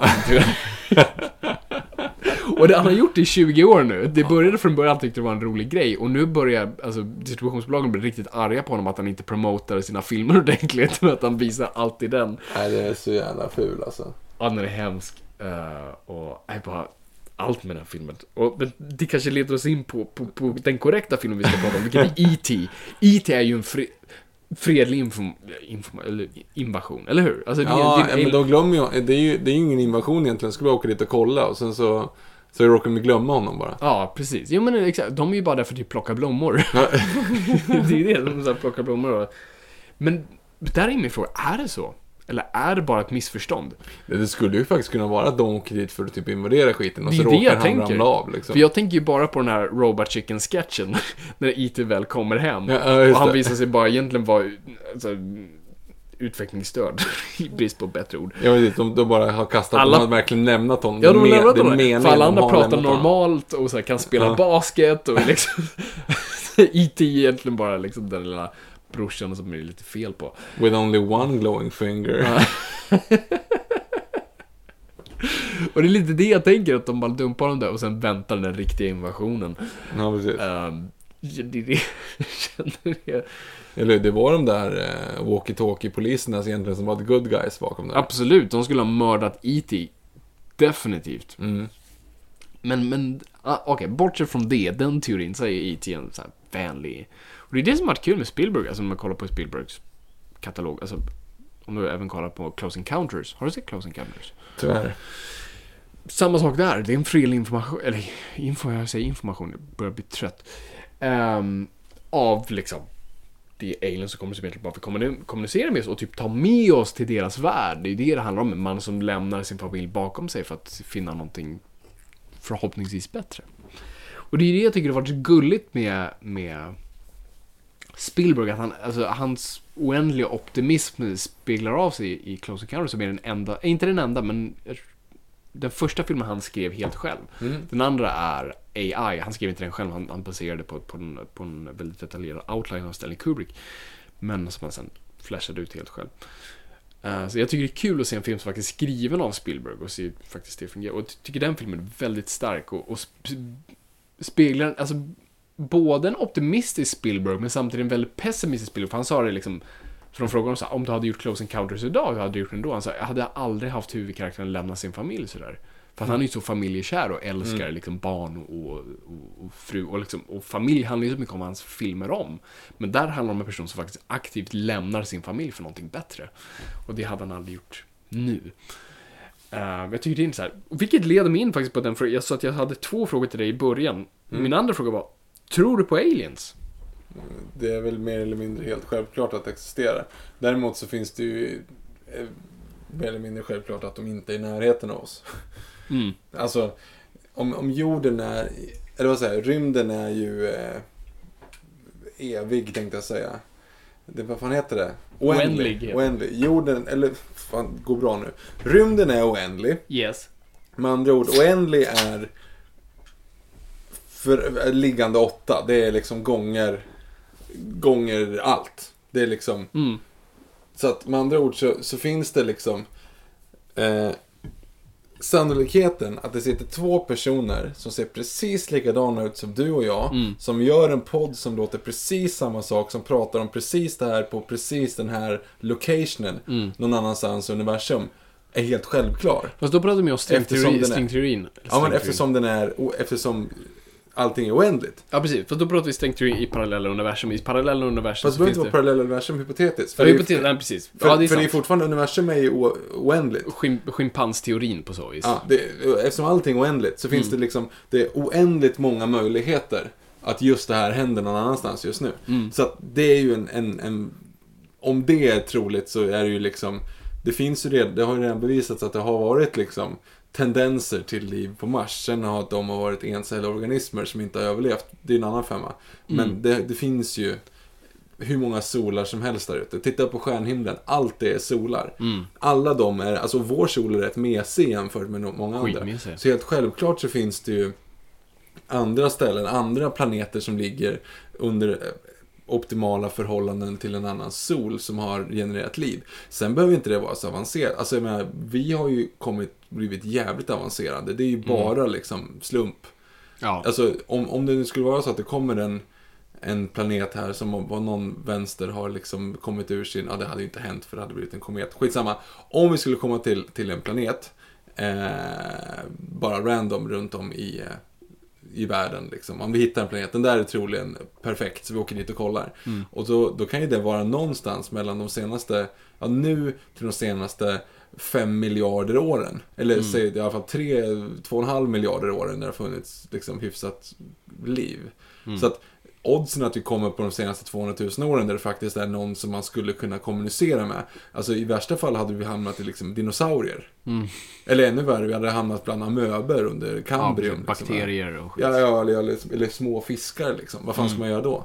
Så här, ah, ja, okej, ja, kul. Så här, Vi kommer tillbaka om några miljoner kommer, vi kommer år. tillbaka om, om en och en halv miljard år. Fast om, om vi pratar relativt, relativitetsteori så beror det på hur de förlägger sig i gravitation. Så att vi skulle egentligen bara kunna vara borta typ ett par år och sen komma tillbaka igen. Och då skulle de kunna, beroende på hur stor solen är och gravitationen ligger. Ja, men det hade ju också gått några mil- Alltså hade vi bara åkt ner, alltså du vet in, Interstellar. Mm. Hade vi åkt ner och bara tittat på, på den och gått därifrån, då hade ju jorden gått under. Så hade vi ändå Just inte kunnat det, rapportera blir- jag, någonting. jag tänkte tvärtom egentligen, att vi åker tillbaka till jorden. Men det förutsätter att vår gravitation är Ja. Annorlunda. Nej, precis. Det, det är sant. Vi åker dit. Hej fisk! Oh fuck! Farmor! Ehm, Eller mänskligheten. exakt, jag kanske inte hade surt min farmor som redan var gammal, kanske snarare mitt barnbarn. ja, världsekonomin. Ja, precis. Allt Jag såg en jävligt intressant film. Eh, Mhm. jag läste, eh, National Geographic har haft några sådana så här, takes på det. Mhm. Vad som skulle hända om människan försvann. Bara allmänt från jorden. Allmänt bara försvann. Och då har de gjort en sån, liksom, en sån här, en kort infofilm bara, så här, tre minuters. Vad händer om människan skulle bara försvinna? Ingen förklaring till varför. Vi, bara, Ja, vi ska ja. bara upphöra existera. Liksom, Mm. Puff så här. Och då börjar de liksom bara prata om, ja men det första som hade hänt då, det hade våra, våra kylar hade ju ruttnat. Alla mataffärer hade ruttnat. Alla Mm. våra husdjur hade troligen dött. Alltså de som var instängda Ja, eh, hade ju dött. Liksom. ja som förlitar sig på vår... Och även liksom, och majoriteten, alla hundar som hade liksom rymt, alla hade ju gått mot en varglik eller en rävlik eh, form. Mm. Eh, alla gamla boskap som liksom är byggda för att bara liksom käka liksom, genmanipulerad föda, de hade ju dött ut. Ja. Eh, vargar hade de, säger de då, hade troligen varit det mest eh, dominerande djuret på jorden efter 200 år eftersom att de hade ju Hmm. opopu- alltså, ohindrat populerat sig och de är så pass smarta att de kan liksom Ja, det. lösa Det allting fan och anpassa till det typ alla omständigheter. Men då räknar man ungefär som att ja, men, alla våra skyskrapor skulle försvinna om typ 500 år. Eller 400 år. Ja. Av väderbitna och sådana saker. Liksom. Så, så gott som alla hus hade försvunnit. Mm. Eh, det som hade stått längst det är ju typ Sphinxen och eh, pyramiderna. Ja, just det. För De hade, de, är ju sten, de är ju stenbyggnader. ja. så de typ hade ju våra, klarat... våra statyer som Ja, de hade ju klarat sig längre. Fast de är ju plåt, det hjälper ju inte. Nej, Det kan ju liksom det rosta bort. Eh, men sa, då är det ju liksom ungefär, ja, men om, låt oss säga att om, om 30-40 tusen år, då finns ingenting. Nej, Då precis. ingenting synts. Det hade funnits lite aluminiumburkar och skit liksom på Ja, plast- plastpåsar. Ja, pla- Ja, plast. Ja, plast hade ju funnits kvar liksom. Mm. Men det hade Men- inte funnits något tecken på oss egentligen. Men, nej, precis. Ja, förutom de vi hade fossiliserats. Men det är ju väldigt sällan det fossiliserats på typ en Ja, eh, det ska ta lite längre tid också. Vi ska bort. Men låt oss säga att om 100 000 år, om vi bara hade försvunnit, Mm. då hade det kunnat hypotetiskt komma en, en ny art till jorden och inte haft en aning om att vi existerar. Nej, precis. Det är där jag, jag gillar att leka med tanken tillbaka till superhjältarna. Jag, nu skulle ju inte det existera, för serietidningar skulle troligtvis förmultna och digital teknik skulle bara vara borta och okodbar. Men just att, därför jag tänker så här, undrar hur mycket av gammal religion bygger på Alltså sagor egentligen. Men allt, alltså King Arthur har aldrig funnits. Nej precis, Robin nej, Hood har absolut, det är troligen mytologi aldrig och så. Nej precis, men vi, det, det är ju inte, det är inte dogmatiska figurer som vi har byggt upp som, som gudar på så vis. Men Mm. jag undrar om, alltså vi kollar på Alltså vi har ju sett att folk har dyrkat de här grejerna, men, men, men att mycket bygger sig i sagor från början och säkert har misstolkat mycket. Alltså jag tror till exempel Bibeln är ju bullshit, men jag tror Bibeln bygger mer som en metaforer för saker. Alltså jag tror Mm. mer det är liksom så här, här är en cautionary tale om att stjäl inte saker, för att låt oss förklara varför. Ja, ja, här har vi en saga, precis som bröderna Grimm pratar om att alltså, Rödluvan handlar ju inte om liksom mata din farmor, liksom, alltså, utan det är ju prata inte med främlingar. Mm. Det är det Ja, som här. Och ja, lämna ja. dina barn i skogen, Hans och Greta, allt sånt där. Så att det bygger på mycket. Så därför jag tänker att folk skulle se superhjälte så bara, ah men Superman var deras så här. Ja. Nej men det hade ju varit det De som Det hade ju varit den logiska reaktionen. Och det antar jag med så King Arthur, för det finns ju folk som liksom letar efter, efter honom fortfarande. Herregud. Alltså vem det är nu som skulle varit honom egentligen och vem som är... Ja, Men som alltså, jag kollade det så här, och Robin Hood också så här, vem, vem inspirerades det här av? jo, och då kan det ju lika gärna vara så här, skulle vi liksom... Ser vi Batman Begins, Mm. då fattar alla som ser den. Det står ju ingenstans att det här är inte baserat på verkliga händelser. Nej, för alla precis. Mm. fattar att det inte är verkliga händelser. Det, det finns säkert jättemånga fall där det är sådana Nu börjar du stories. kliva på fel tår här. Ja, nej, men det, nej, men där det, det finns gam, väldigt gamla stories som liksom är helt feltolkats. Liksom. Mm. Gustav Vasa, han har ju funnits självklart, men alla hans stories är ju bullshit.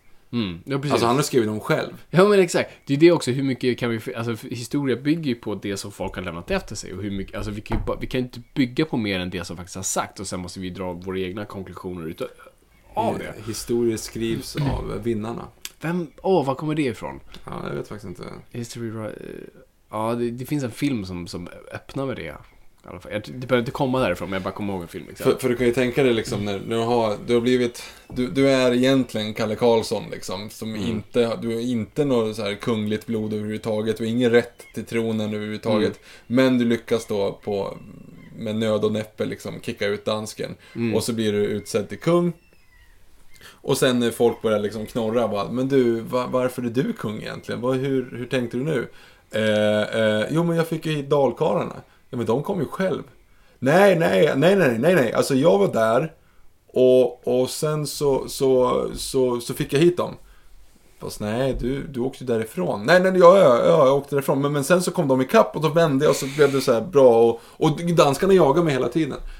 Men varför skulle danskarna jaga dig? Du är ju någon så här, jo, jo, jo, men jag, och så gömde jag mig en höstack och så stack de ett, ett, ett spjut i höstacken och så träffade de mig i benet men jag sa ingenting. Så här, jaha, men... men Blev det inte då- infekterat då? Ja, jag vill säga, det var ju typ, det, han har ju jättemycket sådana stories. Han flydde ju från ett dass och han grävde ner sig i någon höstack och blev, han blev stucken med den här högaffeln och så gömde Mm. han sig i en vagn. Och sen så kom knäktarna förbi, för då, den här vagnen då sköttes av någon snäll bonde. Eller drogs av någon snäll bonde. Och Mm. så kom vakterna och bara "Åh, Kolla blod! Och så sprang de fram och skulle gripa den där bonden och kolla vem det var, varför det låg och blödde Mm. någonstans. Och då skar bonden sin häst i benet och sa Det är min häst som har skadat sig. Eh, De storiesna är ju troligen totalt jävla bullshit. Men det är ju någonting som, som Gustav Vasa var tvungen att hitta på bara för att, ja, Ja, exakt. ej, ja, ja, Jo, det är väl lite det också, så här, King Arthur och de där bygger, alltså det bygger också på, alltså det där bygger också på en, alltså jag tror en brist på identitet hos britterna. Som inte har en religiös bakgrund på så vis. Precis som så här, Sydeuropa kan gå tillbaka till Jesus och allt det där. Men de bygger på att vi måste ha någonting som binder oss. Och då går vi tillbaka till de här gamla sagorna. Men också kanske för att förhöja Alltså royalismen på så Ja, problemet lite grann med britterna, jag tror inte att de har det, för de har ju sina gamla romar och grejer, alltså så slogs mot romarna. Problemet snarare, det är väl att ofta så är det ju engelsmännen som är de onda i alla deras folklores. Jo men absolut. Det är ju alltså, det är absolut en, en, eh, vad ska man säga, det är ju inte en tillit till auktoritet och stat. Nej, alltså, tvärtom. Det är William Wallace är ju liksom... Ja, William shit. Wallace, Robin Hood och Ja. så även King Arthur bygger väl också på liksom en korrupt före detta. Är det inte Nej, sånt? nej, King Arthur har ingenting egentligen med det att göra. Han är ju, du, du tänker ju på att Richard Lionhearted åker bort. Och Prince John, det är ju Robin Hood han. Ja, just det. Men, ja, Så Men King Arthur har ju egentligen inte med det, Det utan det är ju... ehm, Så det är egentligen bara Go Royal! ja men typ. Förutom att Lancelot då skär hans, stjäl hans fru. ja, ja, men det, det är Lancelots problem. Ja, det- tillbaka till... Jag vet inte hur... Just det, tro på aliens och allt sånt där. Eh, jag säger exakt... Jag tror på exakt det du pratar Det, är korkat att säga nej, det finns inte. Ja. Att säga att vi är eh, ensamma i universum. Det vore dumt. Sen har vi blivit invaderade, har, finns det ufon. Folk har sagt det, folk säger att det finns saker som inte går att förklara.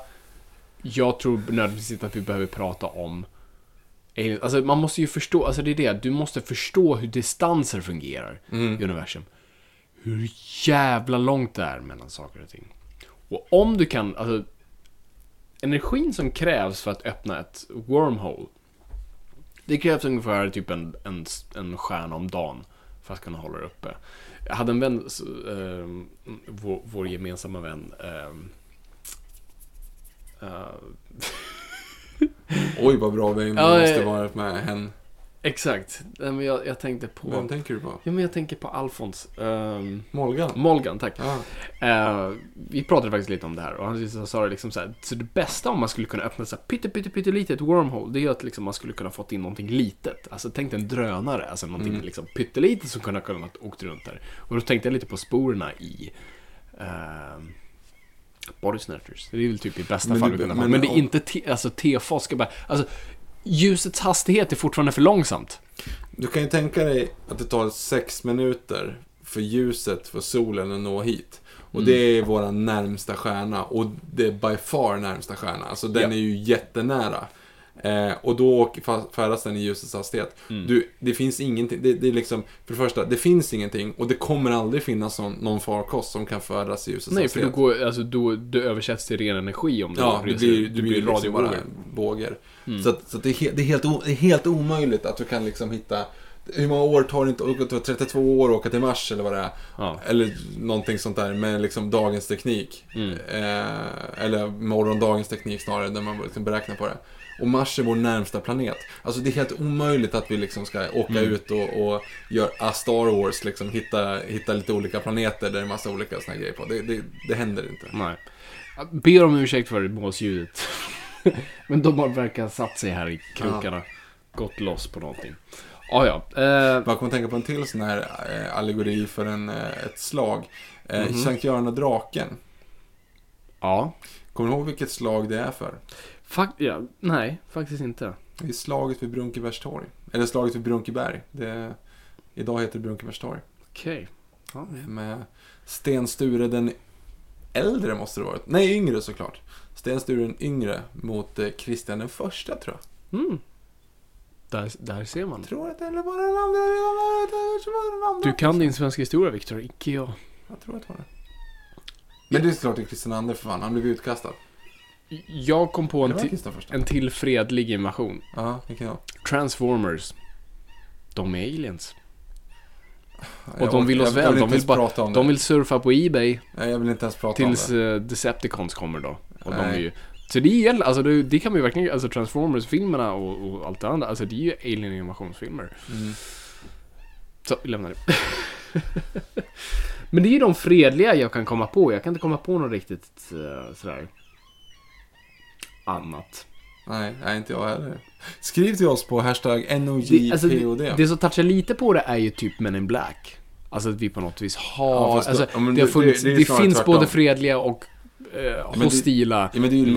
Det är ju, de har ju funnits bland oss hela Ja, de har tiden. funnits bland oss, men också, alltså det är ju som att vi fungerar som en, alltså, eh, det finns en, en plats där de kan komma och det, vi liksom hanterar de här fast med den här organisationen. Det är ju lite som en flygplats där, i, i deras eh, Batcave, vad nu kallas, Mm. deras bas.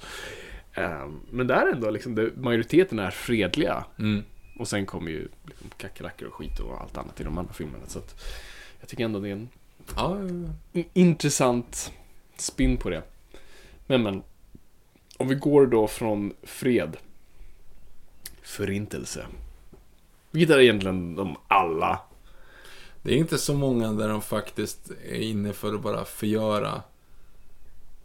Knowing Ja, just det. med, med Christian Bale tänkte jag säga, men, med Nick Cage. Cage. Nej men det är ju liksom, War of the Worlds är ju ren liksom annihilation. Mm. Independence Day. Independence Day definitivt. Jag tycker Cowboys and Aliens är också... Eller de ska du säga harvesta människor. Det är också, det är kanske en liten annan grej. Just att så, här, man vill ta människorna för att använda dem för någonting. Det gör ju Spielbergs War of the Worlds också. Att de Mm. använder oss som typ bränsle eller vad det nu är. Tömmer oss på vårt blod. Så, så, så det har det ju. Um, Ja, så egentligen alla andra. Um, I och för sig en, fredlig som jag också kom på också, det var ju den här filmen Monster som jag pratade mycket om där. Alltså han som Ja, gjorde eh, Ja, men den har jag sett. Ja, precis. Den handlar ju om aliens som bara... Och det är ju också såna här aliens, det är ju djur. Mhm. Som bara råkat hamna här. Alltså det är Fan, inte... den, den, den har jag glömt bort. Den borde jag ju nämna såklart. Den är ju den är jättebra. Den är skitbra och det är också bara så här stora bläckfiskar egentligen som Mm. bara råkade hamna här och de har bara så här, containat dem i Mexiko och de får Mm. inte komma ut. Det är väldigt fascinerande. Ja, vi har pratat om det tidigare. Den här Men den är ju inte, de är ju inte bara goda. De är ju ändå, de jagar Nej, de är ju lite grann bilen. djur. Ja. Alltså det är ju som att träffa en björn. Alltså något Mm. kommer inte göra något med något annat kommer absolut jaga dig om du ser det så. Definitivt. Men den största fienden där är ju typ människan. ja, ja. Uh, så den har ju lite såhär District 9-vibbar den. Den också tycker jag. Men, men se den ni som inte har gjort den. Gareth Edwards heter Japp. den regissören. Uh, nej men i stort sett så här, alla andra. Jag satt och tänkte på det. En av de bättre animationsfilmerna. Det är ju Superman. Framförallt Man of Steel är ju eh, byggd som en animation, för det var ju så de pitchade det för Warner Bros. Mm. För David Goyer sa ju till Christopher Nolan så här, men har du någonsin tänkt på att så här, varje gång vi ser Superman i, som i Christopher Reeve så liksom, när han är där så bara oh, nice Superman. När, när Lois Lane intervjuar honom så, så säger han oh, so you're from another planet? Yes I am. Bara, mm, nice. Och så skriver hon, alltså det är inget liksom, åh herregud, det finns aliens där, åh shit, det här är det mest, det här är det största upptäckten någonsin, för det skulle det ju vara. Och det var så de ville behandla Man of Steel. Och hela den här filmen är byggd som en sci-fi, alltså på så en animationsrulle, för det är det Sodsen kommer då. Invaderar oss. Det tycker jag är ett väldigt coolt koncept. Vi måste tycka att Superman är en alien, vi glömmer alltid bort det. Man of Steel. Glöm. All, alltid glömmer vi bort det. Hela tiden. Ehm, Avengers är också faktiskt en invasionsfilm kan man Ja, säga. det. Är, ja, det är faktiskt aliens som kommer. Alla de. Thor, alla de. Mm. Vad tycker du om Mars Attacks? Tim Burtons. Jag tycker den är, det är lite, lite roligt koncept men den fails to go the whole way. Ja, fan, jag såg om den nu. Finns på Netflix.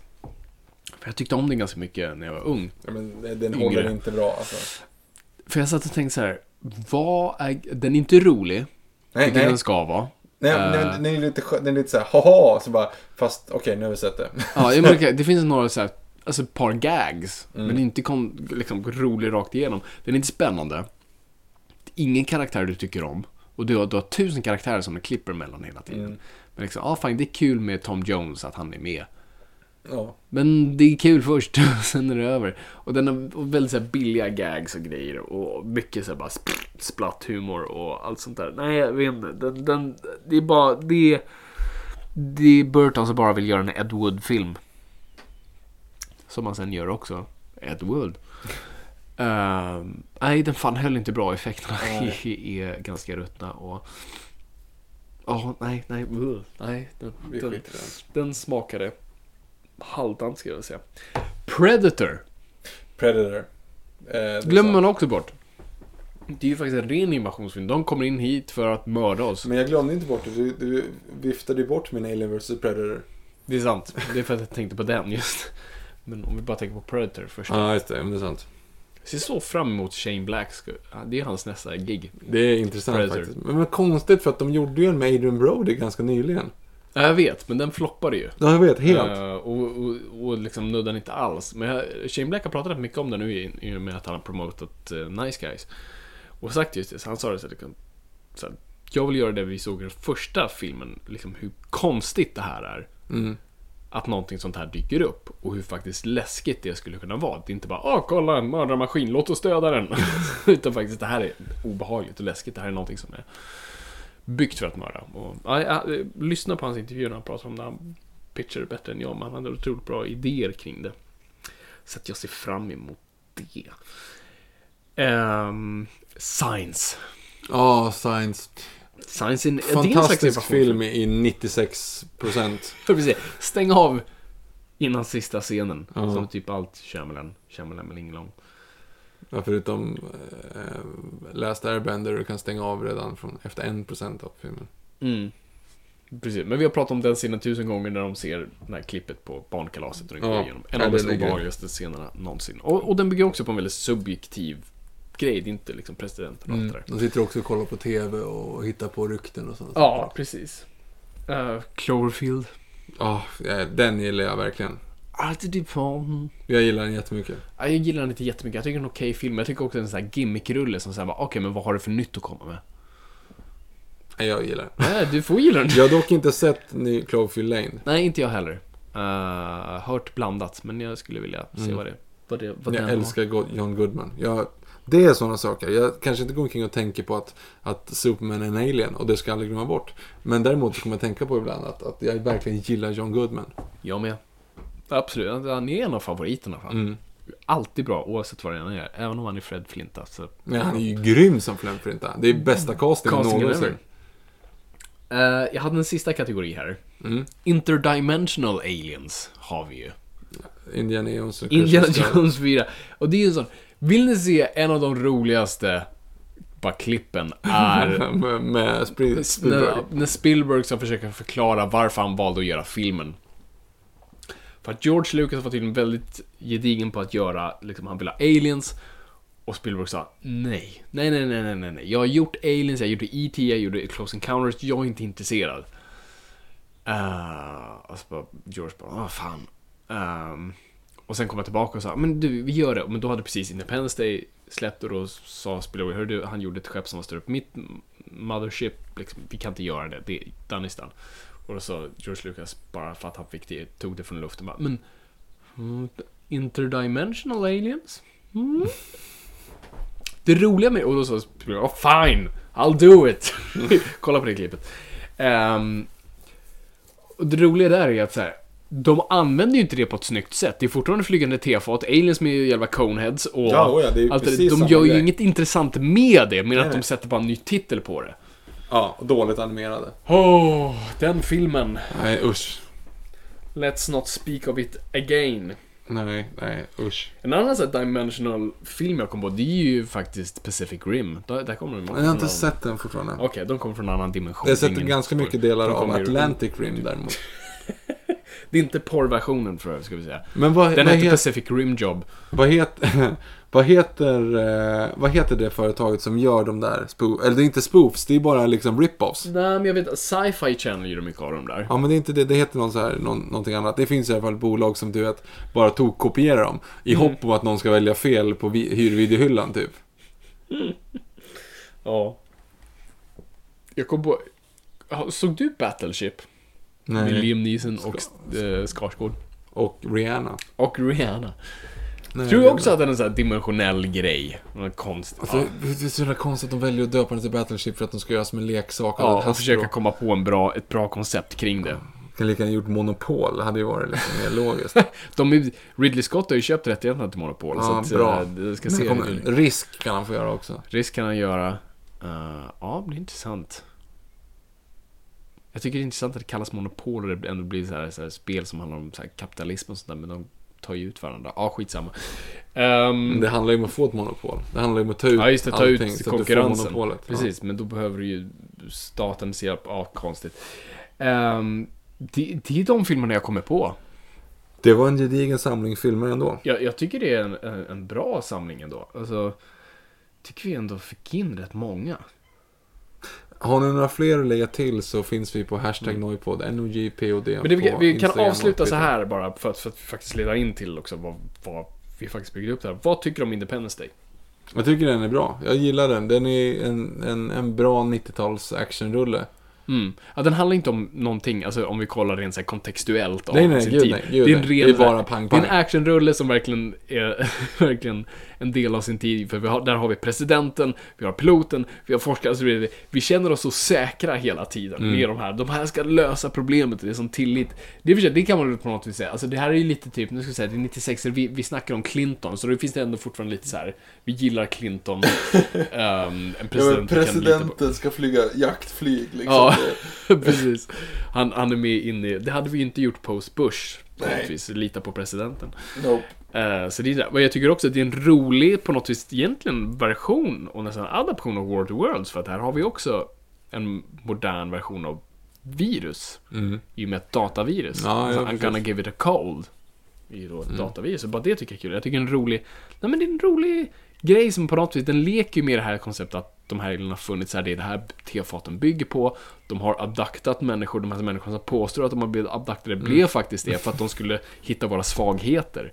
Och sådana här grejer. Och jag kollar nu också bara, effekterna är fantastiska. Ja, det är så jävla jättebra. mycket modeller involverat. Det är alltid modeller, bara att de har klippt in det i Alltså Star Wars-aktigt, bara att nu kunde man göra med datorer istället för klassisk gammal chroma key.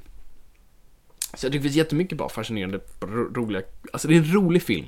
Det är väl det. Nej, den är underhållande, väldigt underhållande. Will Smith är ju grymt charmig också. Och nu så kommer den till, den kommer ju säkert vara lite mellanmjölk för att Alltså, Det kommer det ett finns liksom skepp. ingen riktig anledning att göra, göra en till. Däremot tycker jag att det är lite ballsy av dem att göra en, alltså med 20-årsmärket Mm. och att man liksom, det är någonting nytt ändå att vi har använt alien technology liksom. Ja, precis. Men det är lite, alltså det är lite alltså Jurassic World-biten av det. Att man tar, man gör en reboot, men en gång, inte för att kliva på fansens fötter, så gör vi en, liksom, gör vi en uppföljare. Mm. Uppföljare slash reboot. Det är det jag tror Ghostbusters-filmen kommer, därför folk hatar den så mycket, för den ignorerar historien. Ja, Den säger bara det, här är det. nytt. Och det tycker inte folk om. Så att, eh, nej men det ska, ska bli kul att se. Ja men det ska bli, Ja, det de kommer större sen på bio. Det ska liksom. bli kul att se hur de använder det liksom, ja, den moderna tekniken för det här. Och vi älskar Goldblum. Ja, Fan, han är underbar. Okej, Så är det. så är det. Uh, hör av er på hashtag NoPo om ni tyckte vi glöm, glömde någonting. Eh, har ni några favoritfilmer? Uh, ha, ha, ja, näm, nämnde vi någon helt enkelt inte? Så hör av er på hashtag NoPod. Ska vi gå på frågor? Vi går på frågor.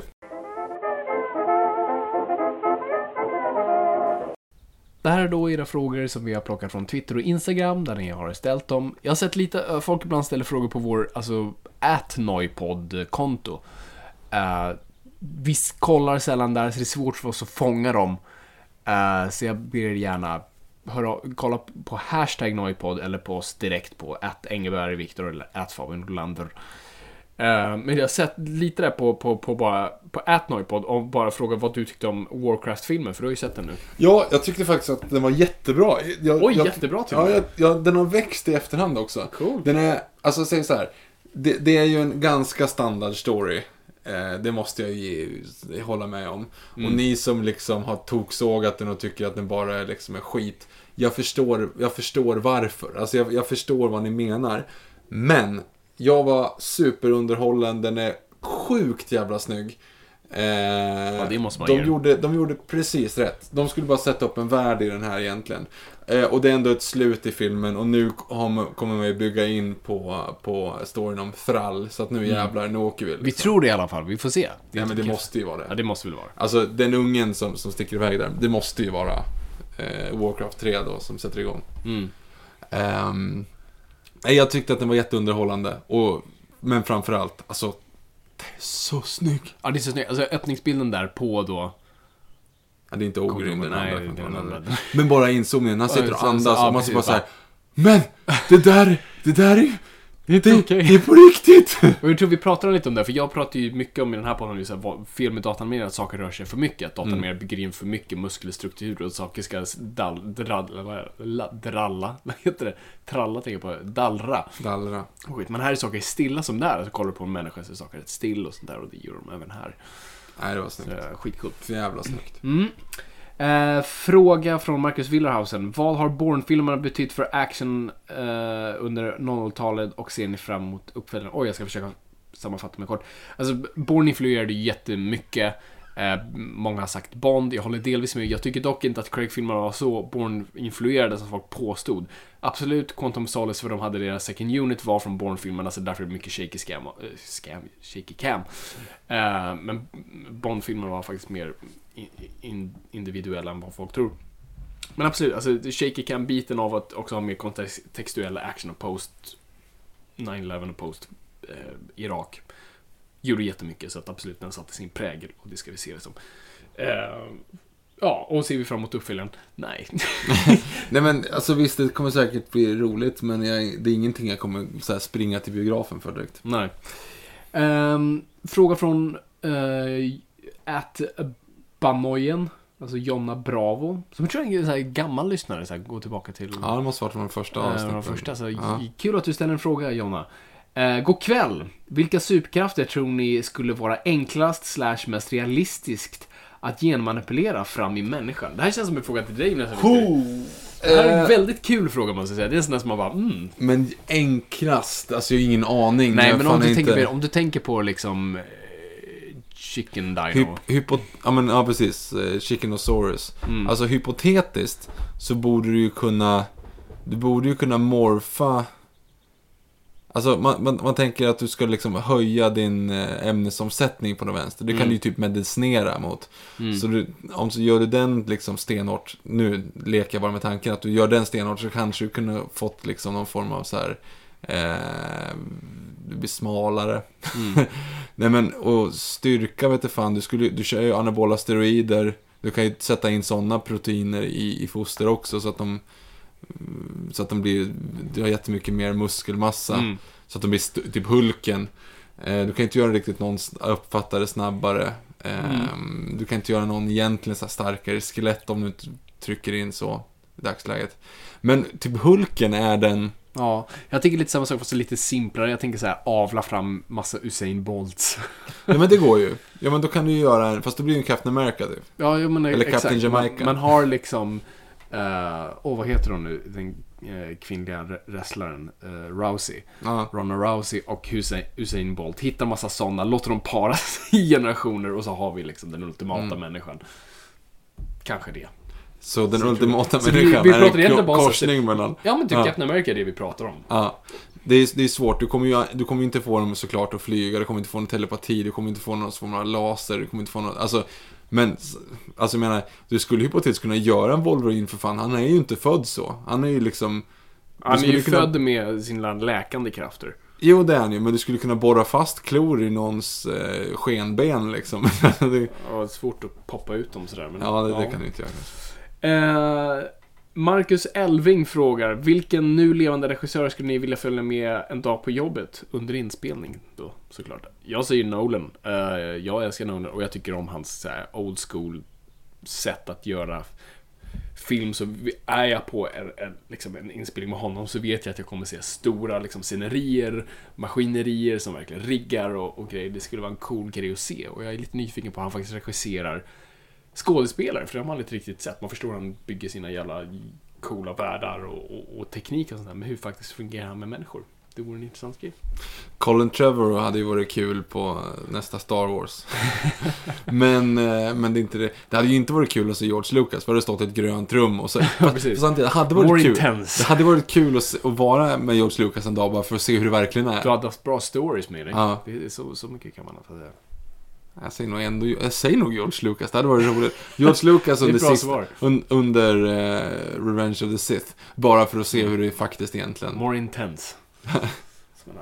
Um, at Alex Järv, topp tre spanska filmer. Och gud, jag är ju för det första dålig på, på spanska. det är men- lättare med italienska, så jag säger typ allt Almodovar.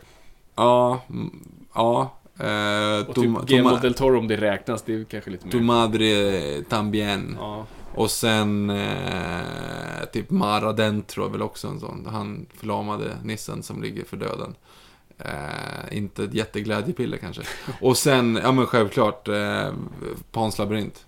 Ja, ja, definitivt. Precis. Ettan, är ja. G- Guillermo del Toro. Vad sa du? Ettan? Det är väl min etta. Jaha, jag tycker så att ettan, inte den andra filmen. Ja, Fanns precis. det två? Pa, Pans labyrint 2. Precis. Uh, ska vi, vi hoppar över till eh, Instagram. Vi går på Instagram. Eh, ska se, där har vi fått en del. Då ska vi se. Riedelman. Eh, tack för en grymt bra podd. Lyssnar på er hela tiden på mitt sommarjobb där jag går ensam och städar hela dagarna. Hade inte klarat mig annars. Ja. Tycker även att avsnitten som är längre är roligast när de spårar lite. Så fråga till podden. Eh, när kommer ett Star Trek-avsnitt? Samt vilket är bäst av Star Trek och Star Wars enligt er? Med en motivation. Eh, jag börjar. Jag tycker att Star Wars, jag har en jättedålig motivation för att jag tycker Star Wars för att jag är uppfödd på det på ett helt annat sätt. Men jag börjar förstå charmen på ett helt annat sätt med just Star Trek. När man, när man börjar se, för tv-serierna går ju lite härs, härs tvärs där. Eh, filmerna, de nya filmerna, de är ju gjorda som Star Wars-filmer. Alltså nya Star Trek är ju för fan Star Wars. Det är faktiskt en väldigt bra jämförelse. Ja. det, det är ju liksom, de har ju bara försökt att stjäla den liksom delen av det. Eh, därför många Star Trek-fans inte är så förtjusta med reboot. Precis, men när man kollar tv-serien, det är ju den här, för det är ju människor och det är ju lite kolonismgrejen och Mm. åka ut och, rädd, och lösa saker liksom. Ja, Jag, jag, jag, gillar, jag gillar det konceptet, men Star Wars är, är för djupt rotat i mig så att jag inte kan komma Mm. undan det. Därav det är en ganska dålig motivation. Ja, nej men jag säger exakt samma sak. Alltså det är ju det man måste gå på. Alltså jag är uppvuxen på Star Wars, inte Star Trek. Och Star Trek har jag fortfarande aldrig riktigt sett, som du säger. Jag har sett bitar av det på TV. Men, men absolut lärt mig respektera Star Trek för att många av vänner jag har älskar Star Trek och just pratat om det. Och just hur Star Trek är verkligen den intellektuella delen av det. Eh, Star Wars är ju mest bara kul och äventyr och sånt där. Men Star Trek hade ju så politiska undertoner och pratade väldigt mycket om liksom, ras och, och kön och allt sånt där. Och hade väldigt mycket politiska undertoner. Så att, Första interracial kissen är väl också. ja, det är precis Ja. för att Kirk kysste allt. Ja, ja, precis. Svart, vitt, grönt, blått och vad det nu var. Fyra huvuden, två huvuden. Spelar ingen roll. Eh, så att, ja, vi säger ju, jag säger ju Star Wars där också. Vi får se om vi gör, och det är därför det är lite så här, ska vi göra ett Star Trek-avsnitt? Nej, men då måste, då måste något. vi ju plugga till. Men det är det, vi, det, vi det tappar ju lite grann. Alltså anledningen till att ni heter Nörden och jag, det är ju för att du kan ju de här sakerna. Mm. Ja, jo, precis. Alltså, du kan ju sitta liksom och prata i huvudet om, om vissa saker. Om Mm. skulle vi göra ett Star Trek-avsnitt, vi skulle ju bara göra, att göra folk arga liksom. Mm. för att vi sitter där och inte kan så mycket, så vi måste plugga på innan. Det blir inte riktigt samma sak, men vi Nej, kommer ju göra men vi det någon kan, gång. Alltså det kan hända, men för det är det, nya filmer kommer snart. Sen finns Ja. det kanske inte så mycket chans till det. Så att vi kanske ser filmerna. Ja, och Kanske kan... Så kan man ju gå ändå igenom och, och liksom gå, dra storyn bakom dem. Ja, men och kanske behöver ta in någon gäst i så fall. Kanske. Yes. Ska vi se på nästa här. Jag glömde bort att det var jag som läste frågorna. Mhm. Eh, Topp 10 svenska filmer frågar Aron Pellaslanten. Okej, det, Shit pommes frites. det har vi varken tid eller tid för. Eh, vi gör så här, vi, ska ha, vi får ha något avsnitt någon gång när vi går mer in på typ Vi svenska kommer filmer. väl ha med svenska filmer? Ska, Ja. ska, ska vi bara dra en liten topp tre bara för så att han får någonting eller? Eh, ja, har du en så Ja, men jag har några så här, alltså, så här, min favoritsvenska film är Persona. Mm. För det är min favorit Bergman och då Per Automatic bästa svenska. Älskar Picassos äventyr. jag tycker är en sån här gedigen jävla grym film. Körkaren. det är Ja. där jag ligger inom. Alltså jag måste ju ändå säga, det här låter ju, det här låter som att jag är dum i huvudet. Men en film som jag kan se hur många gånger som helst, som är mer eller mindre perfekt. I alla fall inte, kanske inte helt utförande på ett skådespeleri eh, insats, men i övrigt är eh, Tomten far barnen. Alltså den, den, är så, den, är så, den är så bra. Mm. Den är så bra. Och den är så moget, modigt, coolt, häftigt skriven att man liksom blir så här. nej, Den är, den är helt fantastisk. Den kanske inte ska sägas som är den svenska, bästa svenska filmen för det är ju lite grann att spotta i Bergman i, i ansiktet. Men eh, jag tycker den är riktigt bra. Mm. Jag tycker det är ett bra val. Jag, jag har inget emot att du, du Och sen får man ju fundera på, nej men vi, jag kommer förbereda en till någon annan podd. Ja, men det Jag har en riktig topp 10. Eh, så att jag hoppas att Aron inte blir alltför sur för, för det där eh, väldigt tunna svaret. Eh, som vi laddar på här nu med. Eh, då ska vi se. Då går vi på nästa och det är Nykterprick. A.k.a. eh, Niklas. Vad har ni för förväntningar på Killing Joke? Tror ni utfyllnaden av story kommer sabba adaptionen eller räddar Mark Hamill alltihop? Vi har ju pratat om det här lite tidigare. uh, I förra avsnittet. Så att vi taggade, trailern ser konstig och hackig ut. Uh, jag gillar att de fyller ut i form av Batgirl för folk som inte har relation till henne förstår vad, liksom, vad kostnaden av det som händer henne är. Eh, och sen vet jag inte om de fyller ut med annat. Alltså, jag vill inte ha för mycket heller. Så att jag, vet, jag tycker det är löjligt med de här adaptionerna hur som helst. Jag kommer se den då för Mark Hamill. Så att jag vill bara höra honom säga de här klassiska replikerna. Eh, Ronny Smoos. Eller Simon E. Han var inte helt logiskt att han hette Ronny. Ja, Simon. Upplever ni att fler folk läser DC Marvel Comics nu på grund av framgångarna i filmvärlden? Är läsandet på väg uppåt? Frågetecken. Vore kul om det blev vanligare butiker med sådana serietidningar.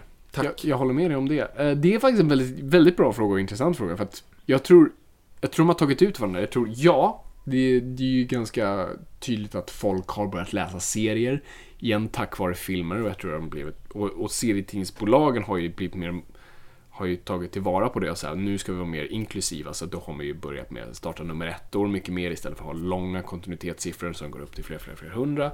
Eh, man har rebootat och sånt där, men det har då i sig dödat fansen, de gamla fansen som har varit med så länge, som känner bara aha, så ni rebootade och tog bort all historia nu som jag uh, kände till och älskade. Så att man har tagit in nya men då exkluderat andra. New 52 har ju haft det problemet jättemycket och nu hade ju precis eh, DC sin, vad de kallade det, rebirth, en till liten reboot. De, de, alltså det var inte en 100% reboot, men de på något vis giftade det gamla med New 52 och fixade det och gjorde det faktiskt väldigt snyggt.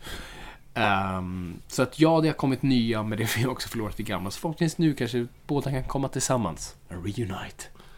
Okidok. Eh, dubbel fuck you. Eh, under, Han hette så, ja. Han heter, han heter dubbel Jag fuck trodde you. han sa det till oss. Och så står det inte så sugen på livet. I alla fall. Eh, jag vet inte vad han heter, eller vad hen heter. Jag antar att det är en karl. Varför gör jag det? I alla fall, dubbel fuck you. Jag vill höra vad ni båda har att säga om det här som jag har tänkt på. Kan det finnas något som faktiskt är negativ, eller negativt när film, både blockbusters och smalare varianter, är så otroligt drillat att det alltid är att planera allt? Att det inte finns en dialog, en händelse som inte är direkt avgörande för plotten eller för framåtrörelsen i storyn? Eller är det bara charmigt att när Kevin i Home Alone kan få användning av sin favoritrulle Angels with Filthy Souls vid ett senare tillfälle? Blir inte allting bara för förutsägbart? Mm. Du pratar ju nu med dramaturgnörden som älskar manus och älskar hur dramaturgi fungerar och i sitt på något sätt förutsägbara kan göra någonting nytt oförutsägbart. Ehm, jag tycker absolut filmer ska kunna experimentera med det, med det formatet, kunna hitta nya saker och absolut kunna leka och, och bryta regler, alltså nya vågen-stil. Eh, men jag har inget problem med det så, men absolut, alltså, filmer faller då för det här också i och med att uppenbara grejer, ah, han hade den här, alltså Bond-grejen ah, nu fick du den där pennan, såklart den kommer komma till användning, eller snarare så jackan, den uppenbara jackan. Jackan Som de inte ens visste han skulle åka skidor med. Kom till användning. Så att det är klart, det finns oförutsägbara, och jag förstår din frustration. Om du tycker det är jobbigt så säger jag, gå och se franska nya vågen-filmer. Gå och se neorealismen i Italien. Eh, det, du har jättemycket film att hitta. Alltså, kolla um, så här, Independent och... Fucking Åmål. Ja, jo. Den, den, Den följer ju någon- inte upp någonting. Ja, den har lite st- struktur. Lite, men inte så mycket. Men äh, du har mycket filmer att hitta. Eh, så gå, gå på europeisk och independent film så, så, så lär du bli nöjdare. Eller gå på Men jag- dålig film, för jag tycker inte att de följer upp. Jo, de, de kan göra det också men på ett dåligt sätt. Men jag gillar struktur. Jag, jag, jag uppskattar struktur. Det har ju också lite grann att göra med att en film är inte så lång. Alltså Mm. läser du en bok så kan du liksom fylla ut det med en helt annan typ.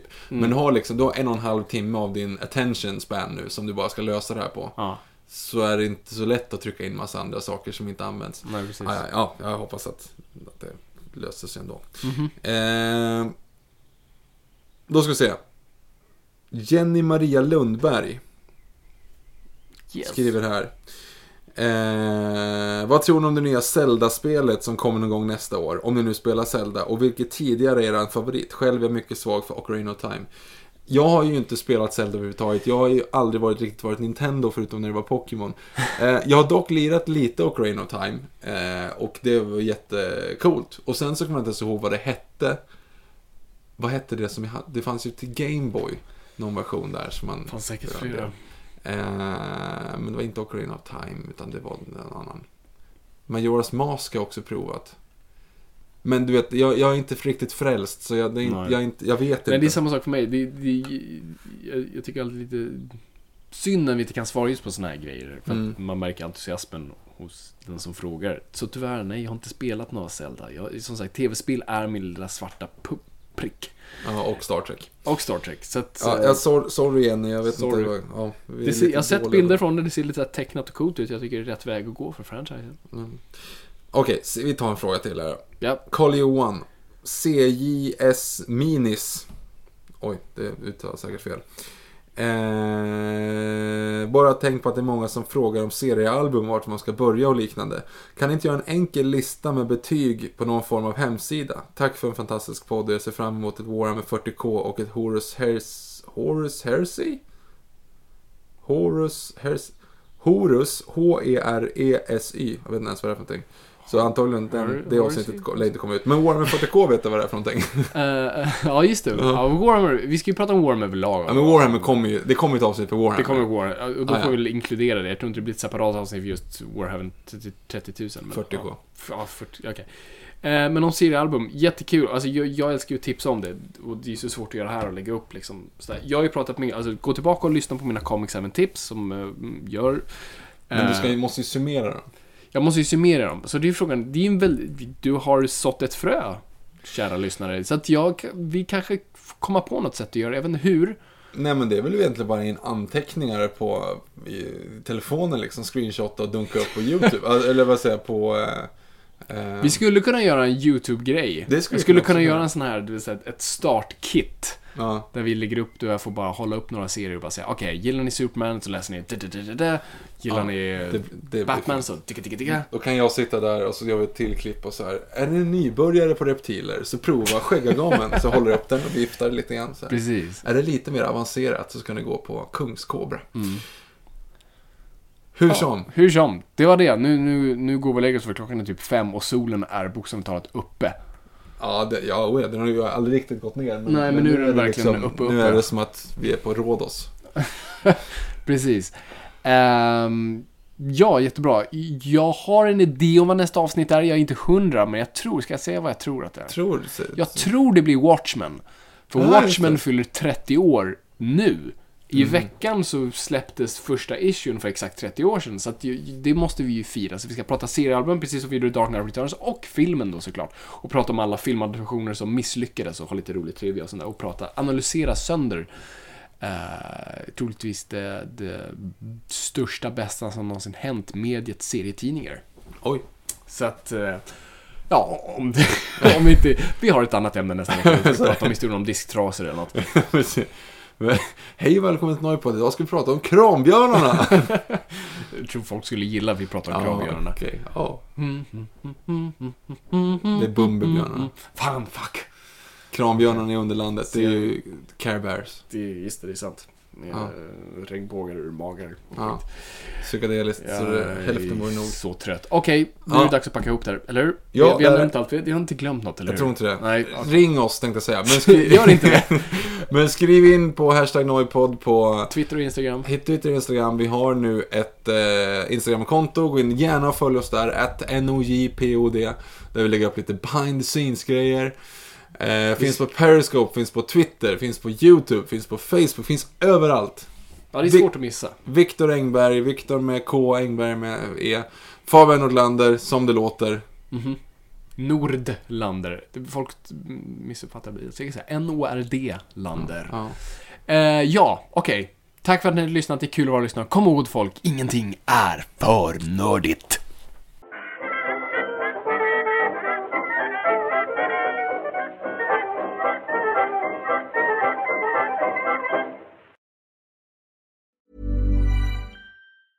Planning for your next trip? Elevate your travel style with Quince. Quince has all the jet setting essentials you'll want for your next getaway, like European linen, premium luggage options, buttery soft Italian leather bags, and so much more. And is all priced at 50 to 80% less than similar brands. Plus, Quince only works with factories that use safe and ethical manufacturing practices. Pack your bags with high-quality essentials you'll be wearing for vacations to come with Quince. Go to quince.com/pack for free shipping and 365-day returns. Imagine the softest sheets you've ever felt. Now imagine them getting even softer over time. That's what you'll feel with Bowl and Branch's organic cotton sheets. In a recent customer survey, 96% replied that Bowl and Branch sheets get softer with every wash. Start getting your best night's sleep in these sheets that get softer and softer for years to come. Try their sheets with a 30-night guarantee. Plus, get 15% off your first order at bowlandbranch.com. Code BUTTERY. Exclusions apply. See site for details.